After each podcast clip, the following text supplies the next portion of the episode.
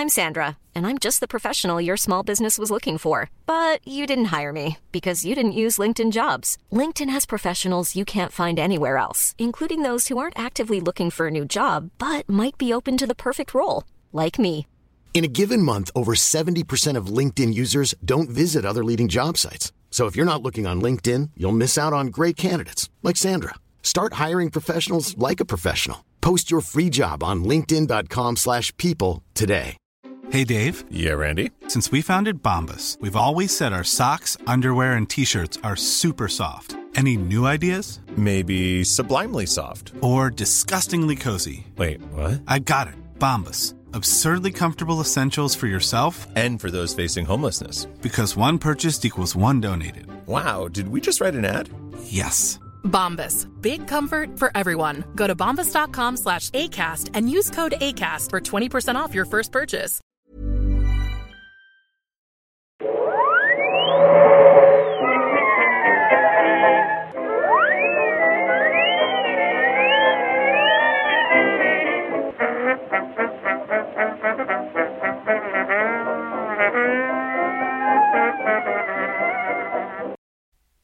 Då börjar jag i stort sett bara. Hej och välkomna till Nörden och jag. Det är jag som är nörden Samuel Glander. Och det är jag som är jag, Viktor Engberg. Det här är podcasten i samarbete med Acast där vi pratar nördämnen, nördkultur i slags bildande syfte. Jag försöker bilda Viktor här i saker han tycker om inte vet så mycket om. Precis. Och idag blir det eh, lida av... Oh.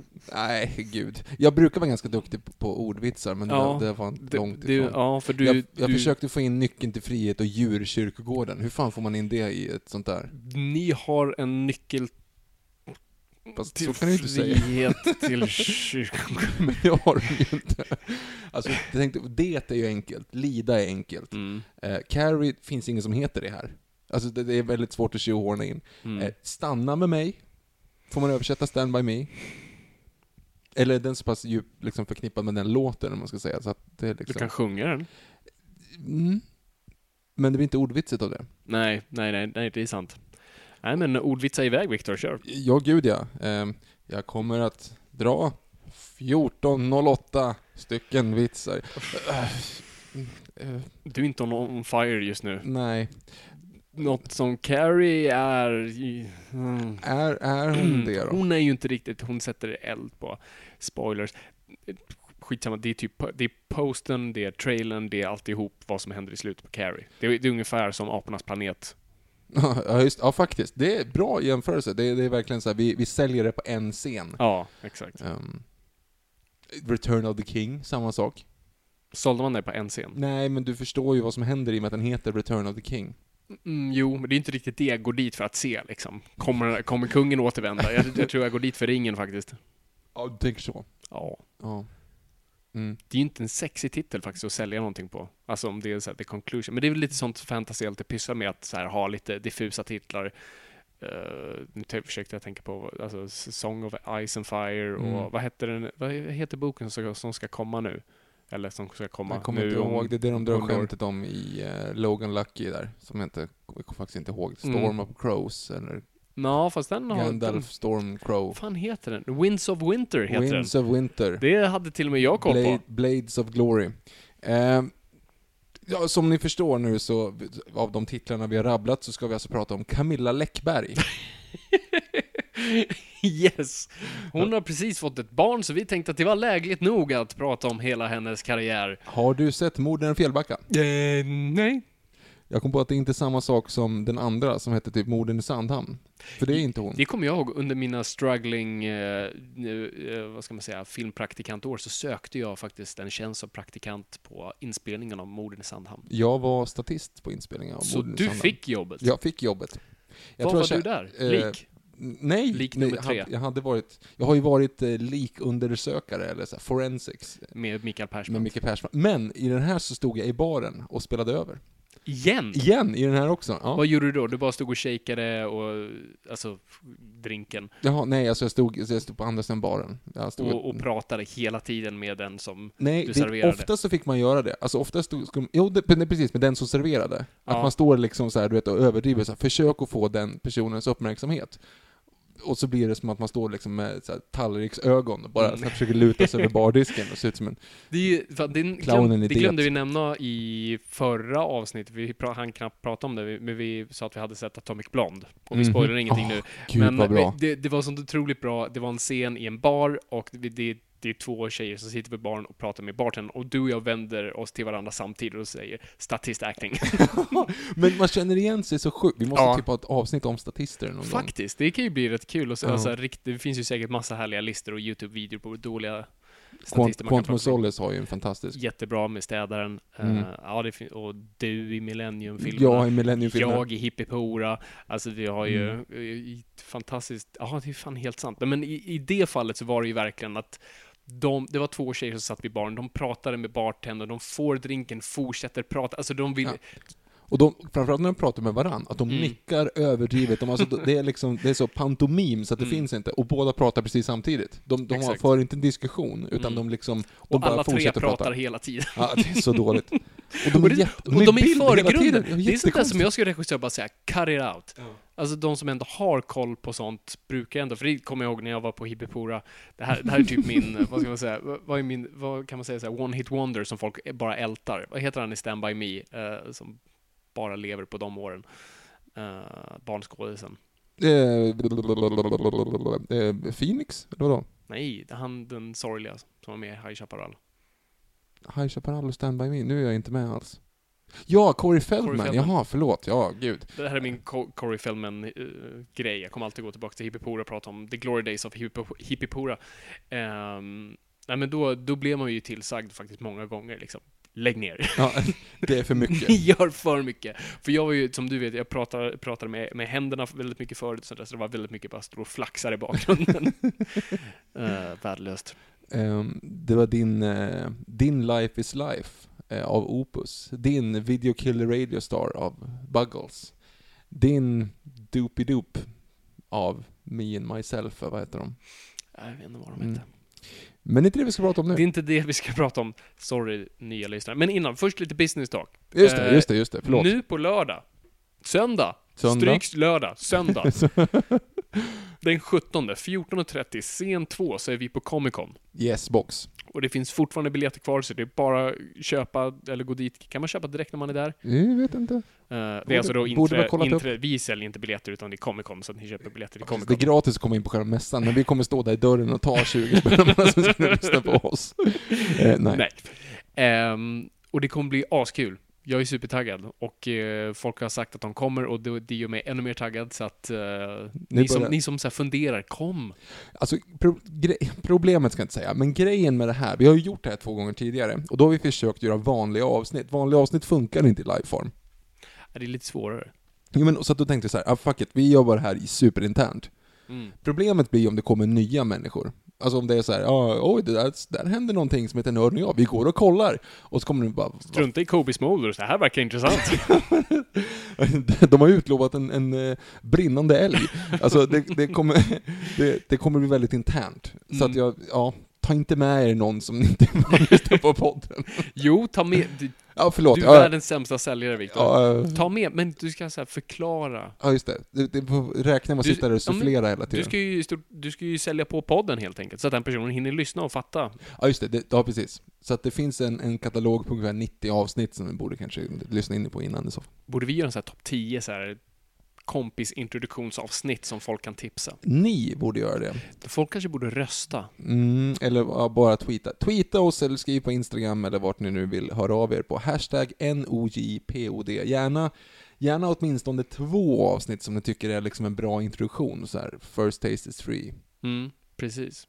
Hela podden är, är free förvisso, men jag förstår vad du menar. Men ja, precis, man är hooked. Mm. Alltså man, man delar ut de, de lättare grejerna för att sen Mm. liksom sitta och lyssna på nio timmar James Bond.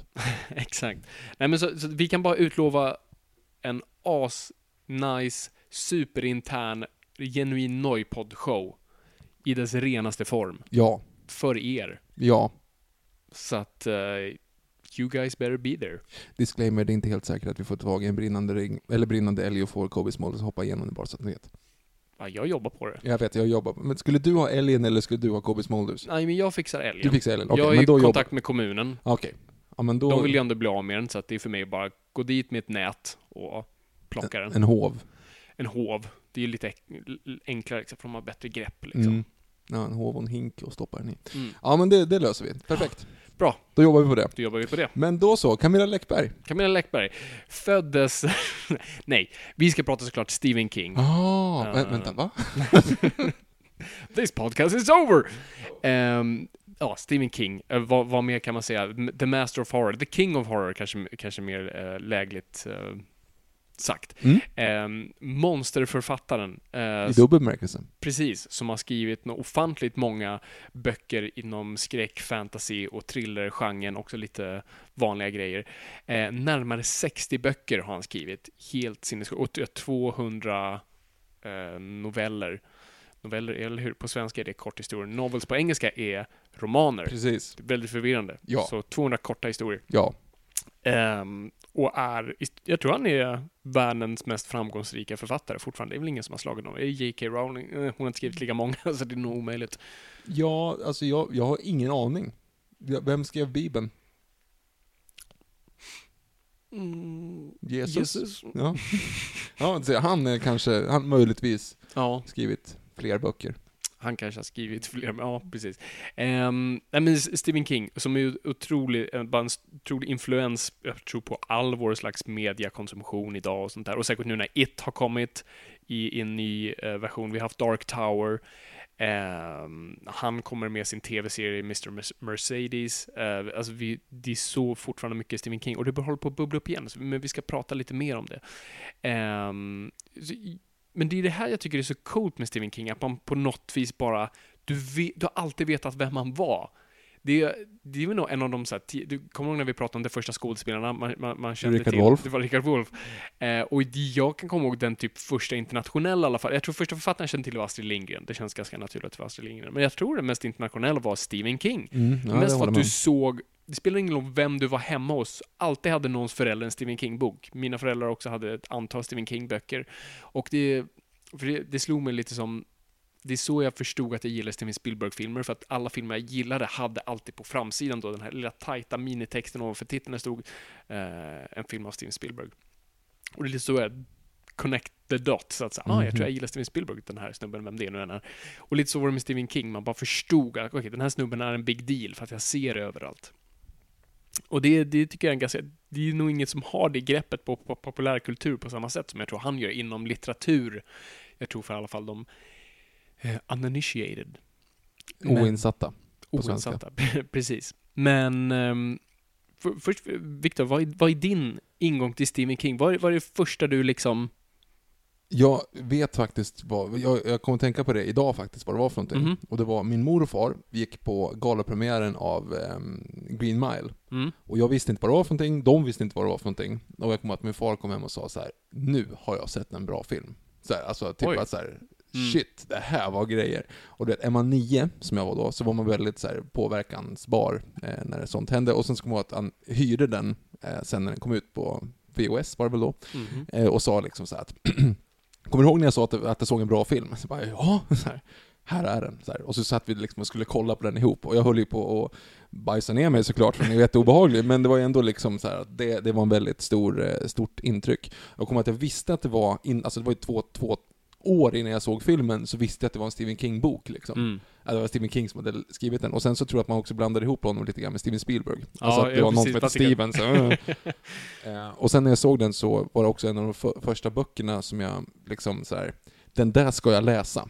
Som Mm. inte var Bert och Sune såklart. Men alltså det var en sån här, den där ska jag se till att läsa. Så jag läste eh, Gröna milen när jag var typ 13, någonting sånt. Shit. Den är rätt fet va? Ja, den är rätt fet, men det, det var ju, eh, och den är väldigt grov. Alltså, Det är Stephen King. Jo men genomgående, jo, det är den enda Stephen King-boken jag har läst, men Mm. vad man förstår så är det liksom, det är otroligt mycket sexual innuendos, och inte bara innuendos utan även liksom barn, Barnsex. barnorgier. Det är it. Ja, jag vet. Men det är också med i böckerna. Men jag menar alltså, det, det är Mm. liksom, han drar sig inte för att skriva mysko-grejer. Nej, nej, det är väl det han är liksom känd för, Ja. antar jag. Mm. Okej, så det var din första. Ja det men var... Gröna milen var den första det var, gröna, liksom. vad intressant. Jag, jag har svårt att se vad, vilken som var den absolut första. Jag kommer bara ihåg på 90-talet där att man hade de här kidsen i i klassen som, som fick se lite mer förbjudna filmer än en själv. Och eh, jag hörde liksom viskning, viskningarna om den här det. Eh, Whispers of a nameless fear. Ja, exakt så. Eh, och jag kommer ihåg att jag såg så här, framsidan på den och, och du vet ju skraj jag var för allt när jag var liten, så för mig var det bara fuck no, jag tänker inte ens vara nära det. Det lät så pass läskigt att jag liksom, Mm. för du kommer jag berättade om det, alltså, eh, det läskigaste momentet i min barndom var när jag såg Vem är rädd för vargen, vilket var en varulvskomedifilm, vilket Mm. jag inte visste då, då var det läskigaste jag någonsin hade sett, den lilla bilden av en varulv. Där har min varulvsskräck. Jag Um, har samma sak fast Pulp Fiction jag var typ fem, så att, mm. Och du är rädd för John Travolta efter det. Ja, ODs möjligtvis, men Ehm, så jag kan inte komma ihåg liksom den, den, här, en konkret första Stephen King-film. För Shining är väl det, det jag kommer ihåg främst, tror jag. Men annars är jag... jag såg Shining i femman, så det var ändå lite äldre. Oj, Ja. Det Den tidigt. gick på TV och jag kommer ihåg att Molgan spelade upp hela filmen för han hade sett den på TV dagen innan och då var det så här, ah, okej, vi kanske måste se den liksom. Ja, alltså, en bra historia med, med Molgan är... För han var ju en sån här som ju satt uppe på nätterna, som vi ibland också gjorde, att man satt när eh, föräldrarna gått och lagt sig och det var en skräckfilm på TV. Och eh, man ville kolla, men man ville inte. Så man, och på, på vår tid, barn, eh, så vi båda hade tv-apparater, du, kun, du, du kunde reglera på själva tvn. Du, du gick fram till tvn och faktiskt tryckte på kanalerna. Vår hade ingen fjärrkontroll. Jag hade inte någon fjärrkontroll. inte till den här tvn då, så var Ja. i ett separat rum där man kunde ju just bara kolla på skräckfilmerna. Mhm. Eh, så jag kommer ihåg att jag verkligen switchade mellan kanaler. Men han hade i alla fall en sån historia då, han, då, han, då det var Exorcisten på TV. Mm. Och han ville inte väcka sina föräldrar så han hade hörlurar på sig kopplat till TVn och satt där på tok för nära och satt och kollade på Exorcisten och det var liksom det mest obehagliga. Och han switchade mellan, tror jag, också kanalerna och det var bara jättejobbigt och traumatisk upplevelse. Men just den här grejen som barn har, man, man vill se, man vill ändå inte se. Jag kommer ihåg Species på, på samma sätt också. Vet jag inte ens vilka det är. Det är ingen bra film, men ehm, det, det, det lämnade traumatiska ärr hos mig också. Men det var ju sån här, man ville se och inte se. Ja, och det är s- tr- säkert det har varit många Stephen King-filmer som det har varit så med. Men ja, Så var det. så är det. Men Stephen King då, alltså han är ju då den här bara superförfattaren som jag tror alla bara känner till. Men om, om vi bara ska liksom så här, dra igenom lite, jag, det jag först också ska bara säga, vilket är lite skämmigt, att jag inte läst någon Stephen King. Oj, jag har ändå läst fler Stephen King-böcker än vad du har, Don't alltså jag har läst en. Ja. Nej men alltså, som jag sagt, jag är ju dyslektiker, så jag började ju läsa eh, alltså, relativt sent i mitt liv. Det är ju inte förrän typ nu de senaste åren jag har börjat liksom ta igen på läsning, och Stephen King har bara aldrig kommit upp i raden av saker som, nu är det väl såhär, var börjar någonstans och vad ska man, vad ska man plocka upp? Så det, jag skäms lite av det, och, och vi ska ju då inte prata om hans böcker i det här avsnittet kan vi ju säga rakt ut. Vi kommer prata om filmatiseringen av honom, för att det här är ingen bokpodd, och vi har inte läst något så vore det dumt. Eh, Det blir jobbigt två timmars Gröna milen bara. Som Ja. jag wingar eftersom jag läste den för 14 år sedan. Mm. Eh, nej, men så, så vi ska prata filmerna. Men så att, bara så att ni vet, disclaimer, jag har inte läst någon Stephen King. Men Nu vill jag verkligen, inför det här avsnittet har jag blivit mer och mer taggad, så nu måste jag plocka upp någonting. Men du tänkte väl läsa det, men eh, tittade på boken? Att, ja, precis. Och den var 1200 sidor. Bara nej, vi, har inte den tiden. uh, mitt i en deadline-period också. Bara, no, jag har inte den tiden. Eh, jag vill verkligen läsa On Writing, uh, hans bok då, där han pratar om sin process. Vi kommer komma in lite mer på det sen. Men jag vill bara prata lite om så här, hans, så här, vad han är känd för. Alltså det roliga med Stephen King, han såg sig aldrig själv som en skräckförfattare. Han hamnade lite i den, liksom, spalten. Och han på något sätt omfamnade det och så bara, ah, ja, om folk bara läser det jag gör och jag får skriva vad jag vill, då, då tar jag vilken titel som helst och det, är- det är okej. Men han såg sig alltid mer som en så här thrillerförfattare, alltså någon som jobbade med spänning. Eh, men så hamnar han i det här facket och jag tror han också gillade det lite och, och, och skrev till den marknaden, i alla fall i början och sen har vi sett att han har breddat ut sig lite mer. Mm. Men, men om vi ska kolla, han har ju ändå definierat skräckgenren på ett intressant sätt som, som, som då också reflekteras i filmerna. Ehm, och det är väl framförallt just det här att man använder skräck i en familjär miljö. Och då är det inte, Clowner. ja, men då är det inte bara den här, alltså det här eh, Family Guy-skämtet de, de klipper till då. Han sitter och skriver och han har ingen idé och han ser sin lampa bara oh, I'm gonna write a story about this lamp. Just det, han sitter med sin publisher. Mm. Och så här, What's your new idea? Och man ser att han bara wingar han liksom Mm. upp den där lampan. Eh, Inte så långt ifrån verkligheten tror Inte jag. så långt från om man tänker på så här, Christine som är en, står om en bil. Maximum Overdrive, står om flera bilar. Uh, Kujo, hund, alltså Ja men och som, som grundas i saker han typ såhär, snubblar på. ja precis. Åh en hund, det borde jag skriva om. ja men exakt så. Men bortsett från det, han använde så, alltså han var ju ändå den som, han var ju inte unik i det, men han på något sätt populariserade det här Det var inte det här spökhuset man går till där man vet att det spökar och det kommer spöken, utan det är snarare, alltså It är ju en ganska bra exempel på, att det är en suburban area, alltså en vanlig liksom, amerikansk förort eh, med vanliga barn, vanliga saker vi känner till, men det finns någonting ondskefullt som ligger och bubblar under. Eh, och det på något vis använder han, och det är ett genomgående tema i många av hans böcker. Och, och, vad jag tycker också är sticker ut i dem, det är ju mycket med, med teman på, det här kan ju du nog också voucha för. Det, vi har ju ändå kollat igen lite och, och vi har liksom analyserat lite på egna namn. Det är ju mycket om barndom. Japp. Det är alltid bar, barngäng involverat. Japp. Eller inte alltid. Som sagt, han har skrivit över nästan 60 böcker. Så att vi drar en väldigt stor generalisering här. För han har säkert skrivit 30 böcker som inte handlar om de här grejerna. Men om vi bara kollar på hans kanske mest populära verk och sånt där. Vi försöker hitta någonting gemensamt. Mycket i barngäng. Alltså man kollar på By Me, kollar på It, kollar på... Kujo. Ku- Bara ett barn visserligen men. Ja, Kujo, eh, ja det är ju ett barn, men du har också lite av de grejerna i eh, och, eh, Hearts of Atlantis, i ehm, Dr- Dreamcatcher, eh, alltså, och oftast då involverat mobbare, greasers oftast. Han verkar ha ett, ett oändligt tal för greasers, vilket är en 50-talsterm för, jag vet inte, grease lightning-snubbar.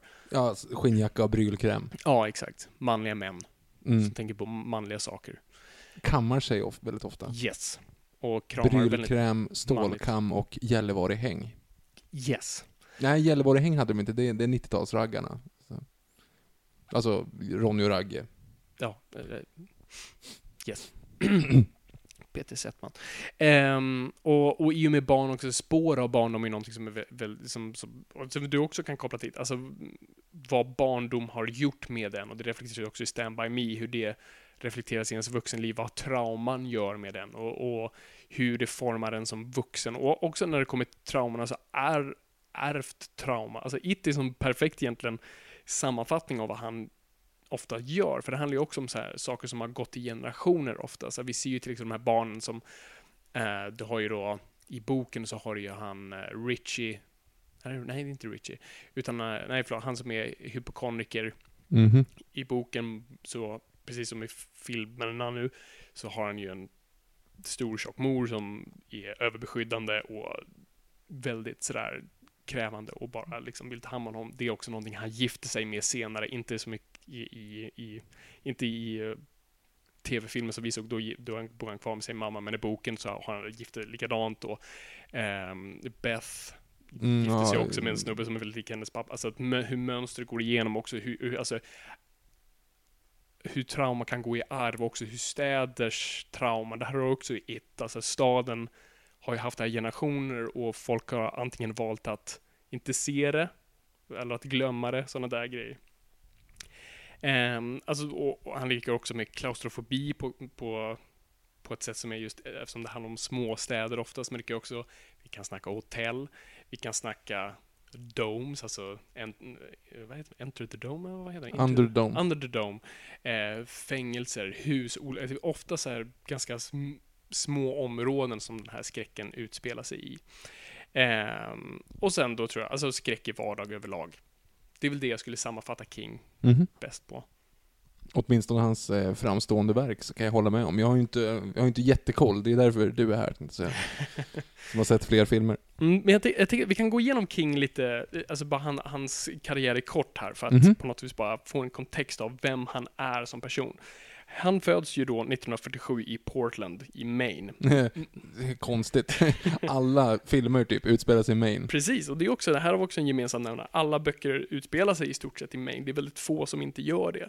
I olika delar av Maine, antingen ställen som faktiskt finns eller som, som han har hittat på. Men det är oftast i den miljön som han på något sätt har funnit väldigt fascinerande. Det är ganska högt upp i USA, det är, alltså, det är nära Kanadagränsen. Och det är där han föds och det är där han skriver om. Eh, han föds in i fattigdom i, i en fattig familj med jag tror bara en bror. Eh, pappan lämnar ganska tidigt så mamman är själv. Och eh, det är väldigt svårt. Han, han, jag tror han i hans grundskola så går han i någon sån här första miniskola där det är han, en typ döv kille och, och någon som är eh, då, eh, vad ska man säga, eh, lågt IQ. Mm. Um, och sen då växer upp och han finner böcker och böcker blir hans då eh, flykt och han är känd som den som alltid har en bok i bakfickan. Bibliotek är hans kyrka. Och eh, liksom lever för, för, den, för, för bara de värden han kan försvinna i. Serietidningar är också en grej han, han på något vis eh, älskar. Och sen då när han blir, och sen, jag tror i tonåren, så hittar han eh, på vinden eh, hans pappas grejer som han bara lämnade. För de också flyttar omkring lite. För, var, för Stephen Kings teori var typ att hans mamma letar efter pappan för han bara försvann. Mhm. Han sa att han skulle gå ut och Köpa tidningen. köpa till verkligen och sen bara drog. Men de hittade aldrig honom jag vet inte vad som, om de, jaha, jag vet inte vad som hände med honom, om det faktiskt är bekräftat. Men han, det är, inte, det är väl inget mystiskt tror jag till det, utan det är snarare bara han drog. Mhm. Ehm, men Stephen King hittade en gång hans pappas box och där såg han att pappan var en aspirerande författare. Och han hittade alla så här, eh, vad kallar man det? Eh, Så när man har blivit nekad, eh, när man har skickat in sin grej och avslag heter det. Ja, ja, ja, alla svar. Alla svar, avslagssvar. Mhm.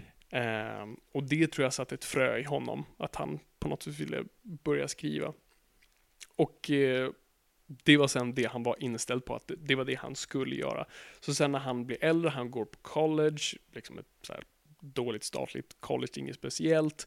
Eh, träffar där då sin livskärlek Tabitha, som då själv, Tabitha King är också en författare i sig. Hon gillar poesi, så att de, de förälskar sig och eh, ganska snart får ett barn. Båda har skitjobb, de bor i en trailer, de har ingen telefon, de har knappt någon el, alltså de, ingen toalett, alltså de, bo, de är verkligen lusfattiga. Eh, och eh, King kör liksom bara så här massa små skitjobb. Han lyckas senare få ett jobb som lärare, så det gör det lite bättre. Hon jobbar på en Dunkin Donuts om kvällarna, får hon ta hand om barnen på dagarna. Och han är bara inställd på att han måste få skriva. Så han skriver, skriver, skickar in, skickar in och alla hans då eh, rejection letters som han får alla svar sätter han då på en, han hamnar fast en spik i väggen och sätter det då på varenda lapp. Mhm. Tills då det har varit så många lappar att spiken trillade av.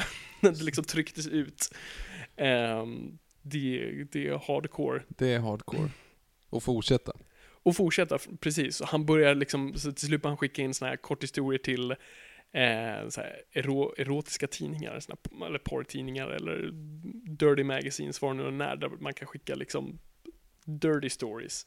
Eh, och han får några publicerade, eh, och han får typ, man får typ så här 200 dollar per story, men alla de pengarna går ju till saker de måste betala för. Och han är ju stolt för det, här, så han vill ju till exempel visa sin mamma de här storyna, men det är ju porrtidningar, så han går till så här kopieringsmaskiner på skolan och så här lägger saker för alla så här köp en prostituerad annonser runt omkring så att han ändå kan här, visa sin mamma att han har lyckats eh, på ett plan.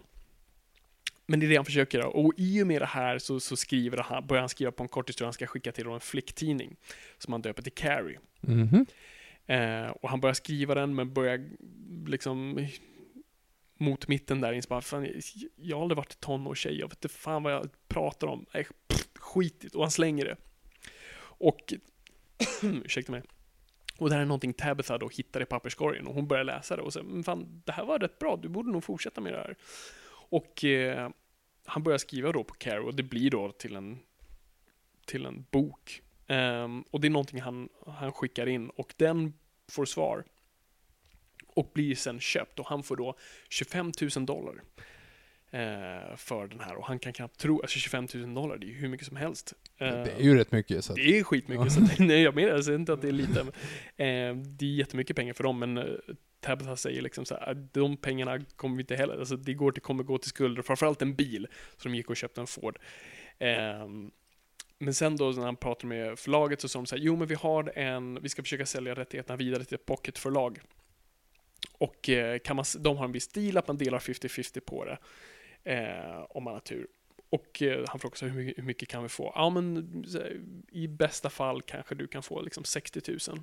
Ja, men skitbra. Då, och det, då tänkte han, det är perfekt, för då kan jag då har jag ett år på mig att skriva nya grejer. Och sen då efter ett tag så får han ett samtal där de säger vi har sålt dem. Ja, ah, perfekt, för hur mycket då? Ja, men du kommer få, hur var det? Ja, det var 400 000 dollar. Mm, oj då. Och han, vad sa du, 40, nej 400 000. Och det var liksom där det började. Och Carrie blev en succé. Ganska snabbt.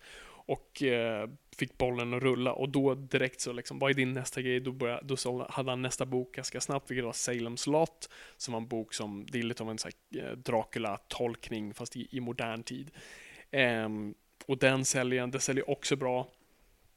Den går Ja men den går jättebra hur som helst. Och eh, det är strax runt här också. Jag tror runt, när fan kommer Carrie? Det är 75 va? Eh, filmen kommer 76. 76, det är två år efter precis, och den kommer strax därpå. Och den drar verkligen igång hans karriär på ett sätt. så, hans tre, så att runt där så försöker han få eh, sina opublicerade verk publicerade. Men hans förlag vill inte att han ska, på något, hans namn ska bli över, ska liksom, det ska vara för mycket av, av hans namn direkt. Så det är där han kommer på sin eh, pseudonymnamn, vilket är Richard Bachman. Så att han har några böcker publicerade med det Mhm. namnet också. Jag hade ingen aning om. Eh, och det var bland annat den här boken Rage. Eh, som han då sen själv drog in för att den inspirerade några skolskjutningar, för det var det den handlade om. Aj då. Eh, för tydligen en av de här, jag tror inte det var Columbine, men någon av de andra hade liksom den boken i sitt skolskåp. Columbine spelas mycket senare, så det känns inte som att det borde... Nej, alltså det här var ju inte något som hände direkt efter. Jaha, okej, alltså- okej, okej, ja. Det var några år efter det hände, det var inget som, en, ja, det var inget som hände direkt. Ehm, nej men så, efter Salem's Lot och allt det där, då får, börjar han få skrivkramp, vilket är väldigt olikt King. Ehm, och han börjar sådär, han då bestämmer sig, ja men fan, vi, jag tar familjen och vi åker iväg bara. Vi, vi åker iväg, vi tar in på ett hotell. Och de åker då upp i bergen någonstans till ett hotell som precis ska gå in i vintersäsong, så det är Mhm. knappt några där. you know where this is going. Yes. Nyckeln till frihet. och eh, de kommer dit och om nätterna bara vandrar han korridorerna för att här, finna inspiration och han ser en sån här eh, trädgårds, eller inte trädgårdsslang, en sån här brandslang som så här, hänger på väggarna, du vet ibland. Mhm. Eh, och han bara ser den framför sig typ dansa eller så här, börja slå mot väggen eller så här, av sig själv. Alltså i sitt huvud, det här är ingenting han ser. Eh, och en mix av det och att han en dag kom hem och på hans manuskript till någon bok han höll på att jobba på, hade hans son skrivit massa gulliga grejer, så hi daddy och ritat bilder och sånt där och han tänkte I'm gonna kill that fucker. och det var lite de två som skapade då det som blev Shining. Mhm. Eh, som då också blev en, sen då en, en eh, supersuccé. Och eh, strax efter, alltså han var ju en, en, en eh, då var han ju liksom ett household name, stor succé. Folk visste vem han var, men han hade lite av den här Sean Connery-dealen av att få ganska dåligt betalt i sitt förlag, så han bröt sig loss där och började då få mer kontroll över liksom, publiceringen. För att alltså, Shining sålde 2,5 miljoner exemplar. Det är mycket. Det, det är bra. Eh, Så det, det måste man ju liksom få en liten bit av. Eh, strax efter det skriver han The Stand, som jag förstår är mångas favorit bland hans böcker, som är en sån här post-apocalyptic eh, virus Och in, inte den med Arnold Schwarzenegger, The Last Stand. Inte den. Arnold Schwarzenegger och Johnny Knoxville va? Ja, Mm. det är sant. Kul att han får jobba också. Ja, nej, Johnny Knoxville tänkte Mm. jag på. Vad har han gjort den senaste Nej, ingenting. Han gjorde en, uh, Dukes of Hazzard gjorde han ju. Och så var han ju en... Det är ju över tio år sedan. Det Ja, det är säkert 15 år ju sedan. Jessica Simpson och... Ja, men det var det senaste han gjorde, tänkte jag. Han har inte varit med så mycket. Jag Han såg var ju... en film, det, är nu säkert också tio år sedan. Den var riktigt dålig.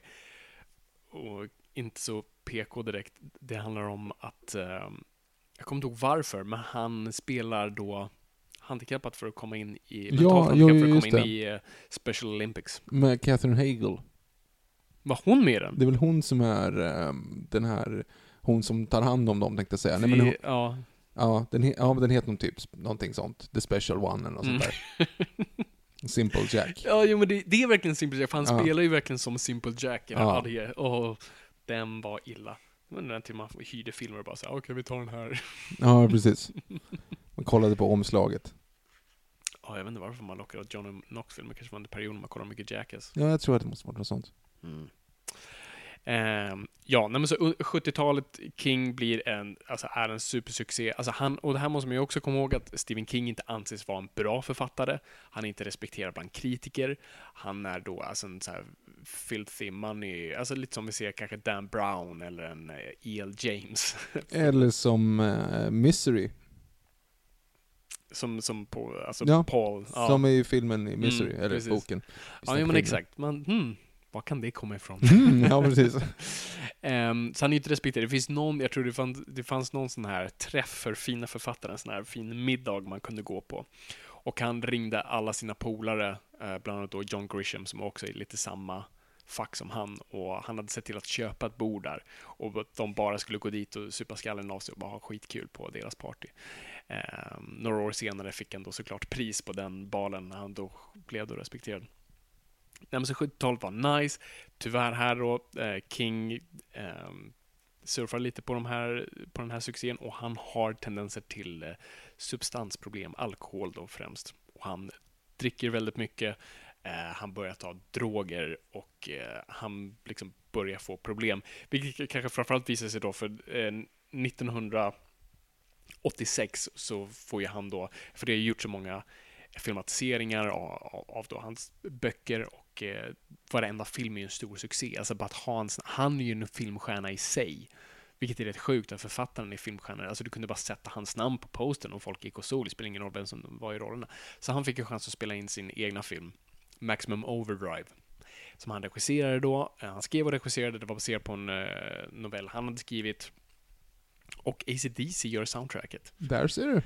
Ehm, det är en värdelös film för övrigt. Inte Eh, sett. Det, den är, det är lite Christine Grey, eller det handlar om att eh, jo, eh, det, kom, det passerar, ja, den är så oklar, det passerar en komet vid jorden, det står i början så här, det kommer passera en komet och då kommer jorden surfa strax, dras in lite i dens dragningskraft i några dagar och sen släppas. Inte om det är vetenskapligt korrekt, men okej. Troligen inte. Och sen finns det några aliens involverade. Jag förstår fortfarande inte riktigt hur, men de i alla fall sätter in all teknik, all slags maskineri. Så äh, filmen utspelar sig på så här truckstop i USA då, där alla eh, biltruckar, alla långtradare Autobots. blir, åker till liv och försöker mörda folk och köra på folk. Okej. Till soundtracket av AC/DC. Vilket låter som att det skulle kunna vara en riktigt trevlig stund. Ja, jo, jo. Men det är det inte. Mest för att Stephen King inte kommer ihåg att han har gjort den här filmen. Nej, men, Cokad out of his mind när han gjorde den. och Vilket han är väl märks. ingen regissör heller? Alltså, Nej, det är, ju de bara kastade, de kastade ju bara en säck med pengar på honom. Eh, och hans namn, så här, ja, men han kan ju göra det där, varför kan han inte göra det här? Och eh, nej, det, det märks. Öppningsbilden är på Stephen King som står vid en... ehm, nu känner jag mig så jävla ehm, millennial här, s- som Mhm. inte vet vad en penga... Heter det pengaautomat? Vad fan heter det? Bankomat? Bankomat? Ja, fan. När tog du ut cash senast? Det var nog ett tag sedan. Mm. jag gillar cash, jag vill inte vara, låta så ung. Bankomat, bankomat. Vad ska, du, vadå, vad ska du med kontanter till? Jag tänkte på det senast här igår faktiskt, för då låg många kort nere tydligen, läste jag i tidningen. Eh, och det slog jag mig vet på inte vad att- du pratar om. och, så, och så slog det mig, men tänk faktiskt om systemet ligger nere ett tag. I så här två dygn och jag kan inte handla. Det är ju bra att ha cash på sig. Man borde ha, man borde ha lite cash Men ingen hemma. tar ju det. Och varför ska, det, är liksom, det är rånrisk och det är jobbigt. När du har en hundring i handen och så, väck, så köper du någonting för 97, då sakar de sista tre, för vad ska du göra med dem liksom? Ja men då lägger ju ju så att de det i de här, i- så här McDonalds-fonden. Den där lilla asken de har där vid kassorna. Om, ja, om du hamnar på Interflora då. De kanske också har. Ja, du det är som att det är så jobbigt att ha kontanter. Folk vill inte ha kontanter. Nej, men det är lite synd tycker jag. Varför det? Att det håller på att försvinna bort. Så kan du tappa bort Det är dem. en sån trevlig Jätte- grej att ge någon, liksom, och dricks försvinner det ju med det. Eller Ja, försvinner det kan du ju säga på kort också. Ja, det är sant, det kan man ju du göra. gör swish. Men det är sånt skattas ju och sånt där. Det det är ju det som var så skönt, man kunde bara ge någon direkt och man visste bara, här har du fickan. vänta, vänta, vänta, vänta, vänta. Vad sa du där? Mm. det är klart att dricks, alltså... Men om du, om du stoppar ner i Men en du- servitrisficka, här har du en hundring, gå och köp dig någonting, köp dig en kopp kaffe för det här. Det dras väl inte? Det är väl ingen som kommer och plockar Men du, nu menar ju du att du ska betala folk svart, det är en annan sak. Är, Ja men det är väl det som var grejen lite med dricksen, att det inte skattas. Jag tror att vi ska börja prata om filmerna istället. Har jag begått ett brott, Viktor? men vad fan? Nej men det är klart att all dricks redovisas oavsett om det är eh, eh, kontanter eller om det är via kort. Du, du ja, i Sverige kanske. Men i USA har jag för mig att det är en sån där just grej att det är liksom det. Jo men du beskattar ju inte dricks ändå. Det, det går ju... Det beror på, det finns ju vissa, vissa restauranger och sådana saker har fördelningar. Till exempel att Ja, ja, precis. Det finns en pott. och- 2% på hela Mm. summan och så x antal ska Ja, fördelas och jada jada liksom. Mm. Ehm, Men ja, nej, men jag vet inte, jag gillar cash. men men inte du, du gillar cash för att du inte vill skatta för dem, det är helt enkelt det du säger. Det är ju inte med att jag skattar för det, det är ju med den man ger det till. Okej. Det vet man inte om de ge- lägger under kassan. Nej men jag, jag vet inte, jag tycker det är en fin transaktion av, av, av, av medel så att säga. Jag tycker det är synd att det är borta. Kebabisar. Jag ska börja ta på, va, förlåt? Kebabisar och min egen Bamse. Jag vet inte, jag, jag saknar lite cash-kulturen, att den håller på att försvinna. Eh, Jag ska nog ta ut lite cash här efter det här avsnittet. Mm. Ha hemma när apokalypsen kommer. Gör det. Då det verkligen är värdelöst. Ja, Då precis. är det inte ens eh, valutan egentligen. Valu ja, egentligen, alltså det är det som är intressant. Förlåt, nu går vi in på en jättekort. Okej, jag ska sluta prata Nej, om det. du kan fortsätta prata om det, men det, alltså, det är ju inte skillnad om systemet fallerar, Mm. så kan du inte betala med cash ändå. nej, nej, precis. Det är ingen som kan hantera. Och det är Nej, inget som att precis. någon säger, ja men det här kan jag ha med mig när vi ska liksom köpa bensin i öknen. Nej. För att har du inte guld på dig så värdelöst. Ja, eller har du inte alltså, någonting att byta, har du inte liksom beef jerky så får du inte Precis. det. Förut var det ändå att pengar var liksom oftast i sitt värde, att mynten ändå var en silverdollar och, och sådär. Ja, på typ 1700-talet Precis, var det. Visst, det borde vi gå tillbaka till. Guldreserven i Ja. Fort Knox. Liksom. Exakt, smälta ner den, göra mynt. ja. Vet, har inte Sverige världens största mynt på ett museum? Som är så bara På? Kungliga myntkabinettet Det, eller hur? Det, jag på har rätt. va? Slottsbacken. Yes. Hur mycket är det värt? Ingen aning. Eller Jag var tror inte att det är här- värt så mycket, det är tungt bara. Okej, så det var ungefär som Tyskland efter första världskriget. Vi, hade, vi gjorde ett superstort mynt som du kunde köpa lite mjöl med. Nej men det är ju gammalt, det är mest det. De, du köpte väl typ, alltså jag kommer inte ihåg vad de köpte. Nu borde jag veta det här för att jag Ja, du är ju eh, har storyfreaken koll. där. Jo, precis. Eh, nej men jag kommer faktiskt inte ihåg vad det var de, de gjorde för den, men de backupade en del. Vad har det här med Stephen King att göra? Jag vet inte, jag vet inte hur vi kom in på det här. Skitsamma. Så, Okej, så om apokalypsen kommer, se till att ha massa liksom guld. torka, nej, torkad mat och elektricitet, batterier och sådana saker. Lyssna på Aron Flam-avsnittet så får ni reda på det. Precis. Kontanter hjälper inte då heller. För Hesa Fredrik eh, körde ju här bara i somras, klockan 10 på kvällen. Folk fick panik och insåg att de inte hade några Förutom, grejer. förutom jag som tweetade då så här, varför går krigslarmet? Och så var det någon som svarade så här, famous last words. Precis. Du var inte här då? Nej, tack gode gud att jag inte var Jag var utomlands. Jag hade ju skitit på mig, offrat alla jag hade älskat, ätit upp dem och sprungit ut i skogen. Och På typ vänt. de här 12 minuterna Ja, ja, innan det gud, kom ja. ut att det var okej. liksom. Ja, gud. Lite som slutet på Mist. Japp. Spoilers. Gå in på filmerna nu. Just det, nej men inte filmerna, jag vill bara avsluta, just det bara, vi var, just det, för vi var inne på Maximum Overdrive. Det är en pissfilm, det är lite roligt, just det, för det, det som var att det börjar med Stephen King går, in, går till en bankomat som det då heter. Mhm. Bankomaten bara skriver 'asshole' och han säger 'The machine called me an asshole' och sen är det över och så börjar filmen. Och han, han är inte med mer i filmen? Nej, han är med efter det. Och- Mm, äh, den är värdelös. Ja. Eh, det, det, det är inte så mycket bra. Eh, hon som har rösten till Lisa Simpson är med i den filmen. Eh, Yardley Smith Så kanske hon heter. heter hon va? Hon bara skriker i hela filmen. Hon fick inte så mycket att göra tyvärr. Nancy Cartwright är Bart, Dan Castell är Homer, Hank Azaria är väl typ Alla. allting annat. Och eh, vem är Spinal Tap-snubben? Det är Hank Azaria. Nej, det är inte Hank. Nej, Är det inte? nope, Är det inte? nope, Är det inte? nope. Nej, det är ju för fan Animal i Godzilla från 98. Exakt. Han heter Harry Shearer. Harry Shearer, där Mm. har du det. Precis. Okej, skitsamma. Ehm, så i och med den här filmen 1986, jag tror samma år blev jag nykter, så jag tror jag ser en korrelation här med Shit, jag gjorde den här filmen, jag borde bli nykter. Ehm, och han har varit det sedan dess, vilket är jättekul för honom. Men 1999 så, så är han del av sin egen skräckhistoria. Han är ute och går en promenad och eh, en person i en bil håller på att försöka få ordning på sin hund och eh, kör över Stephen King. Mhm. S- alltså svinhårt. Eh, och han landar i ett dike och bara tror att han ska dö för att allt är i stort sett brytet. Och de som ambulansen som hämtar honom tror inte att han ska klara sig. Och de tror i bästa fall måste vi amputera typ hans ben och massa sån där skit. Men mirakulöst nog så klarar han sig. Eh, men efter alltså, mycket om och men, många månader på sjukhus, ännu längre rehabilitering. Och eh, det som är det jobbigaste i det här, att han inte kan, typ, alltså det gör ont att sitta, det gör ont att, han kan inte skriva längre nästan. Mhm. För att det är för jobbigt att bara sitta still. Eh, smärtan är så påtaglig. Så att 2002 så säger han att han typ kommer sluta skriva. Eh, han publicerar, det första han publicerar efter olyckan, det är hans stor bok On Writing, där han förklarar sin process och, han, eh, och det är också halvt biografiskt och han pratar lite om sitt liv och sånt där.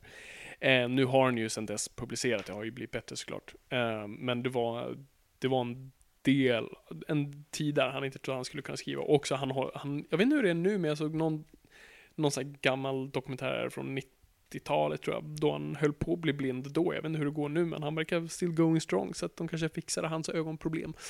Men så han har haft lite motgångar där. Men han, han har sagt att han, han kommer fortsätta skriva tills han dör. Han älskar att skriva. Ehm, och det enda som har, han säger liksom, det enda det här har gjort är att det går långsammare. Men eh, annars är det, för han, han har ju som sagt 60 böcker på, när, han, om han publicerade Carrie 74. Du jobbar på bank, gör matten.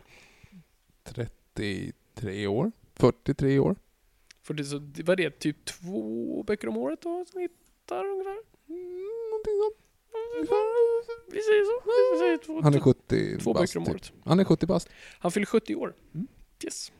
Så 60 böcker på, 60 böcker på 70 år är väl enklare att räkna? Ja, Ja. just det. Ja, Mm. det är sant. Så att han är, ju, han är ju jävligt aktiv. Och, och det kan vi ju då prata om då, var, hur han är så aktiv. Han är ju känd då för sin väldigt eh, distinkta, alltså framförallt fokus och, och, och bestämdhet att liksom bara, att jobba, att liksom det här är ett jobb. Han är inte en person som sitter och väntar på inspiration, som många andra gör. Eh, George Martin.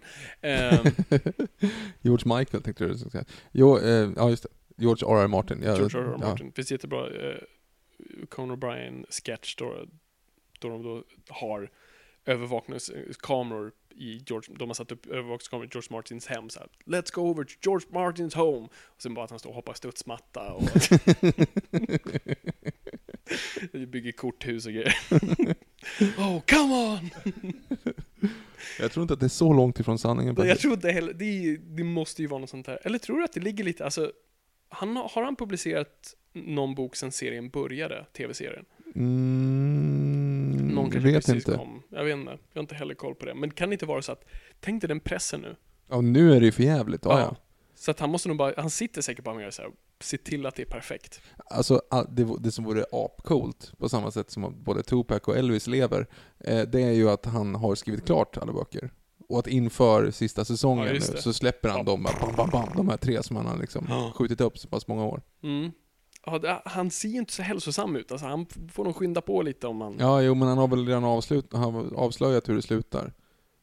För serien, alltså för utifall han skulle stryka med så han har han ju liksom en, sagt det, för han har ju också sagt att han inte vill vara en sån här som med tolken att folk publicerar hans verk efter han är död. Liksom, eller fortsätter tror jag det han inte vill. fortsätter. Jag tror ja, det fortsätter för att eh, folk inte får leka runt i Westeros efter han är borta. Mm. Eh, att det ska han se till. Gör de ju den i serien ju. Jo, jo, men det har han väl tillåtit och han har Mm. väl förstått att så här, okej, vi kan inte Shit vänta tre år på nästa säsong, George. Shitload of money på det också. jo, en hel del. Ehm, så att, ja, nej, det, det, det är intressant. King är ju då motsatsen då, så han har ju då lite den här grejen att han går upp på morgonen, äter frukost med sin fru, kollar på nyheterna en stund och sen sätter han sig och skriver då oftast i runt tre och en halv timme. Vad framförallt målet är, är 2000 ord om dagen, vilket i snitt är ungefär fyra sidor. Det är ju fan jättesnabbt tänkte jag Det är toksnabbt, så han, han tycker man ska tillbringa sex månader på det första draftet, första utkastet, tre månader. Och sen, ska han, och sen då tar han sex veckor paus, då han bara inte tittar på det och bara liksom separerar sig från projektet mentalt. Sen går han tillbaka då och rättar det. Så att han pumpar det är inte så konstigt att han lyckas pumpa ut då en i halvåret. Och att då göra det här varje dag. Att det här är det han liksom går upp och gör för att han älskar att göra det så mycket. Så jag tror inte han gör så mycket att han tar en paus mellan böcker. Förutom då han kanske måste åka på book tours och sånt där. Fast jag tror han tar väl säkert jobbet med sig. Det är en otrolig Hej, jag Ryan Reynolds. På Mint Mobile, we like to do the opposite of what Big Wireless does. They charge you a lot, we charge you a little. So naturally, when they announced they'd be raising their prices due to inflation, we decided to deflate our prices due to not hating you. That's right. We're cutting the price of Mint Unlimited from $30 a month to just $15 a month. Give it a try at mintmobile.com slash switch. $45 upfront for three months plus taxes and fees. Promo rate for new customers for limited time. Unlimited more than 40 gigabytes per month. Slows. Full terms at mintmobile.com.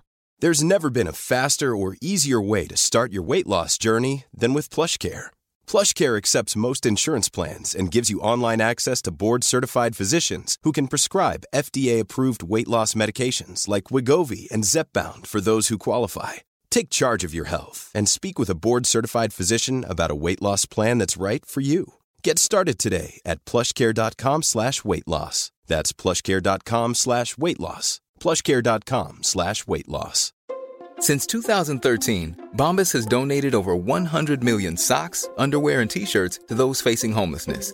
If we counted those on air, this ad would last over 1,157 days. But if we counted the time it takes to make a donation possible, it would take just a few clicks. Because every time you make a purchase, Bombas donates an item to someone who needs it. Go to bombas.com slash ACAST and use code ACAST for 20% off your first purchase. That's bombas.com slash ACAST, code ACAST. Det häftig grej. Och jag tror inspirerande grej, för jag tror liksom för en som skriver själv, det är den svåraste grejen att så här, kliva upp på morgonen och jobba fast du inte känner för det. För att du har en deadline och du, du kan inte liksom göra någonting åt det. Det är en pissjobbig grej, men jag brukar tänka lite på det att så här, vänta inte på inspirationen. Det är bara det tycker jag oftast är de bästa momenten då, då du inte har inspiration, men du måste. Det är oftast så här, imorgon är deadline. då då har, behöver du inte ha någon inspiration alls. Alla som har tentapluggat förstår vad du menar. Yes. Men då, då kan oftast de bästa grejerna komma tycker jag. För att du går på ren intuition. Du har inte tid att vara smart, du har inte tid att tänka, du kan bara gå på ren känsla. Vilket också kan bli horribelt dåligt, men i, min erfarenhet så det mesta blir rätt bra, sen får du rätta massa andra grejer. Men, nej men så det, det är så han jobbar och eh, jag tycker det är en ashäftig grej att kunna och ha det fokuset. Det, det är nog väldigt få som har, som är nog väldigt bortskämda i då, sen när jag väntar på, på att det här ska komma till mig, utan han skiter i det, han bara rusar fram. Det kanske märks också i och med att It-boken är typ, som sagt, 1200 sidor. Mm, den tror jag tog tre år att skriva dock, så den, den, den var inte under hans tre månaders Mm. grej. Eh, jag vet faktiskt inte hur den skrevs. Jag tror inte han skrev kontinuerligt på den i tre år. Det, för det låter ju som en George Martin-grej, utan jag tror att den säkert var lite så on and off-grej han gjorde mellan böcker och sånt. Han hade ju kunnat sluta eller kunnat korta ner lite grann. Tagit något draft till. Jag tror på, vilken fan var det?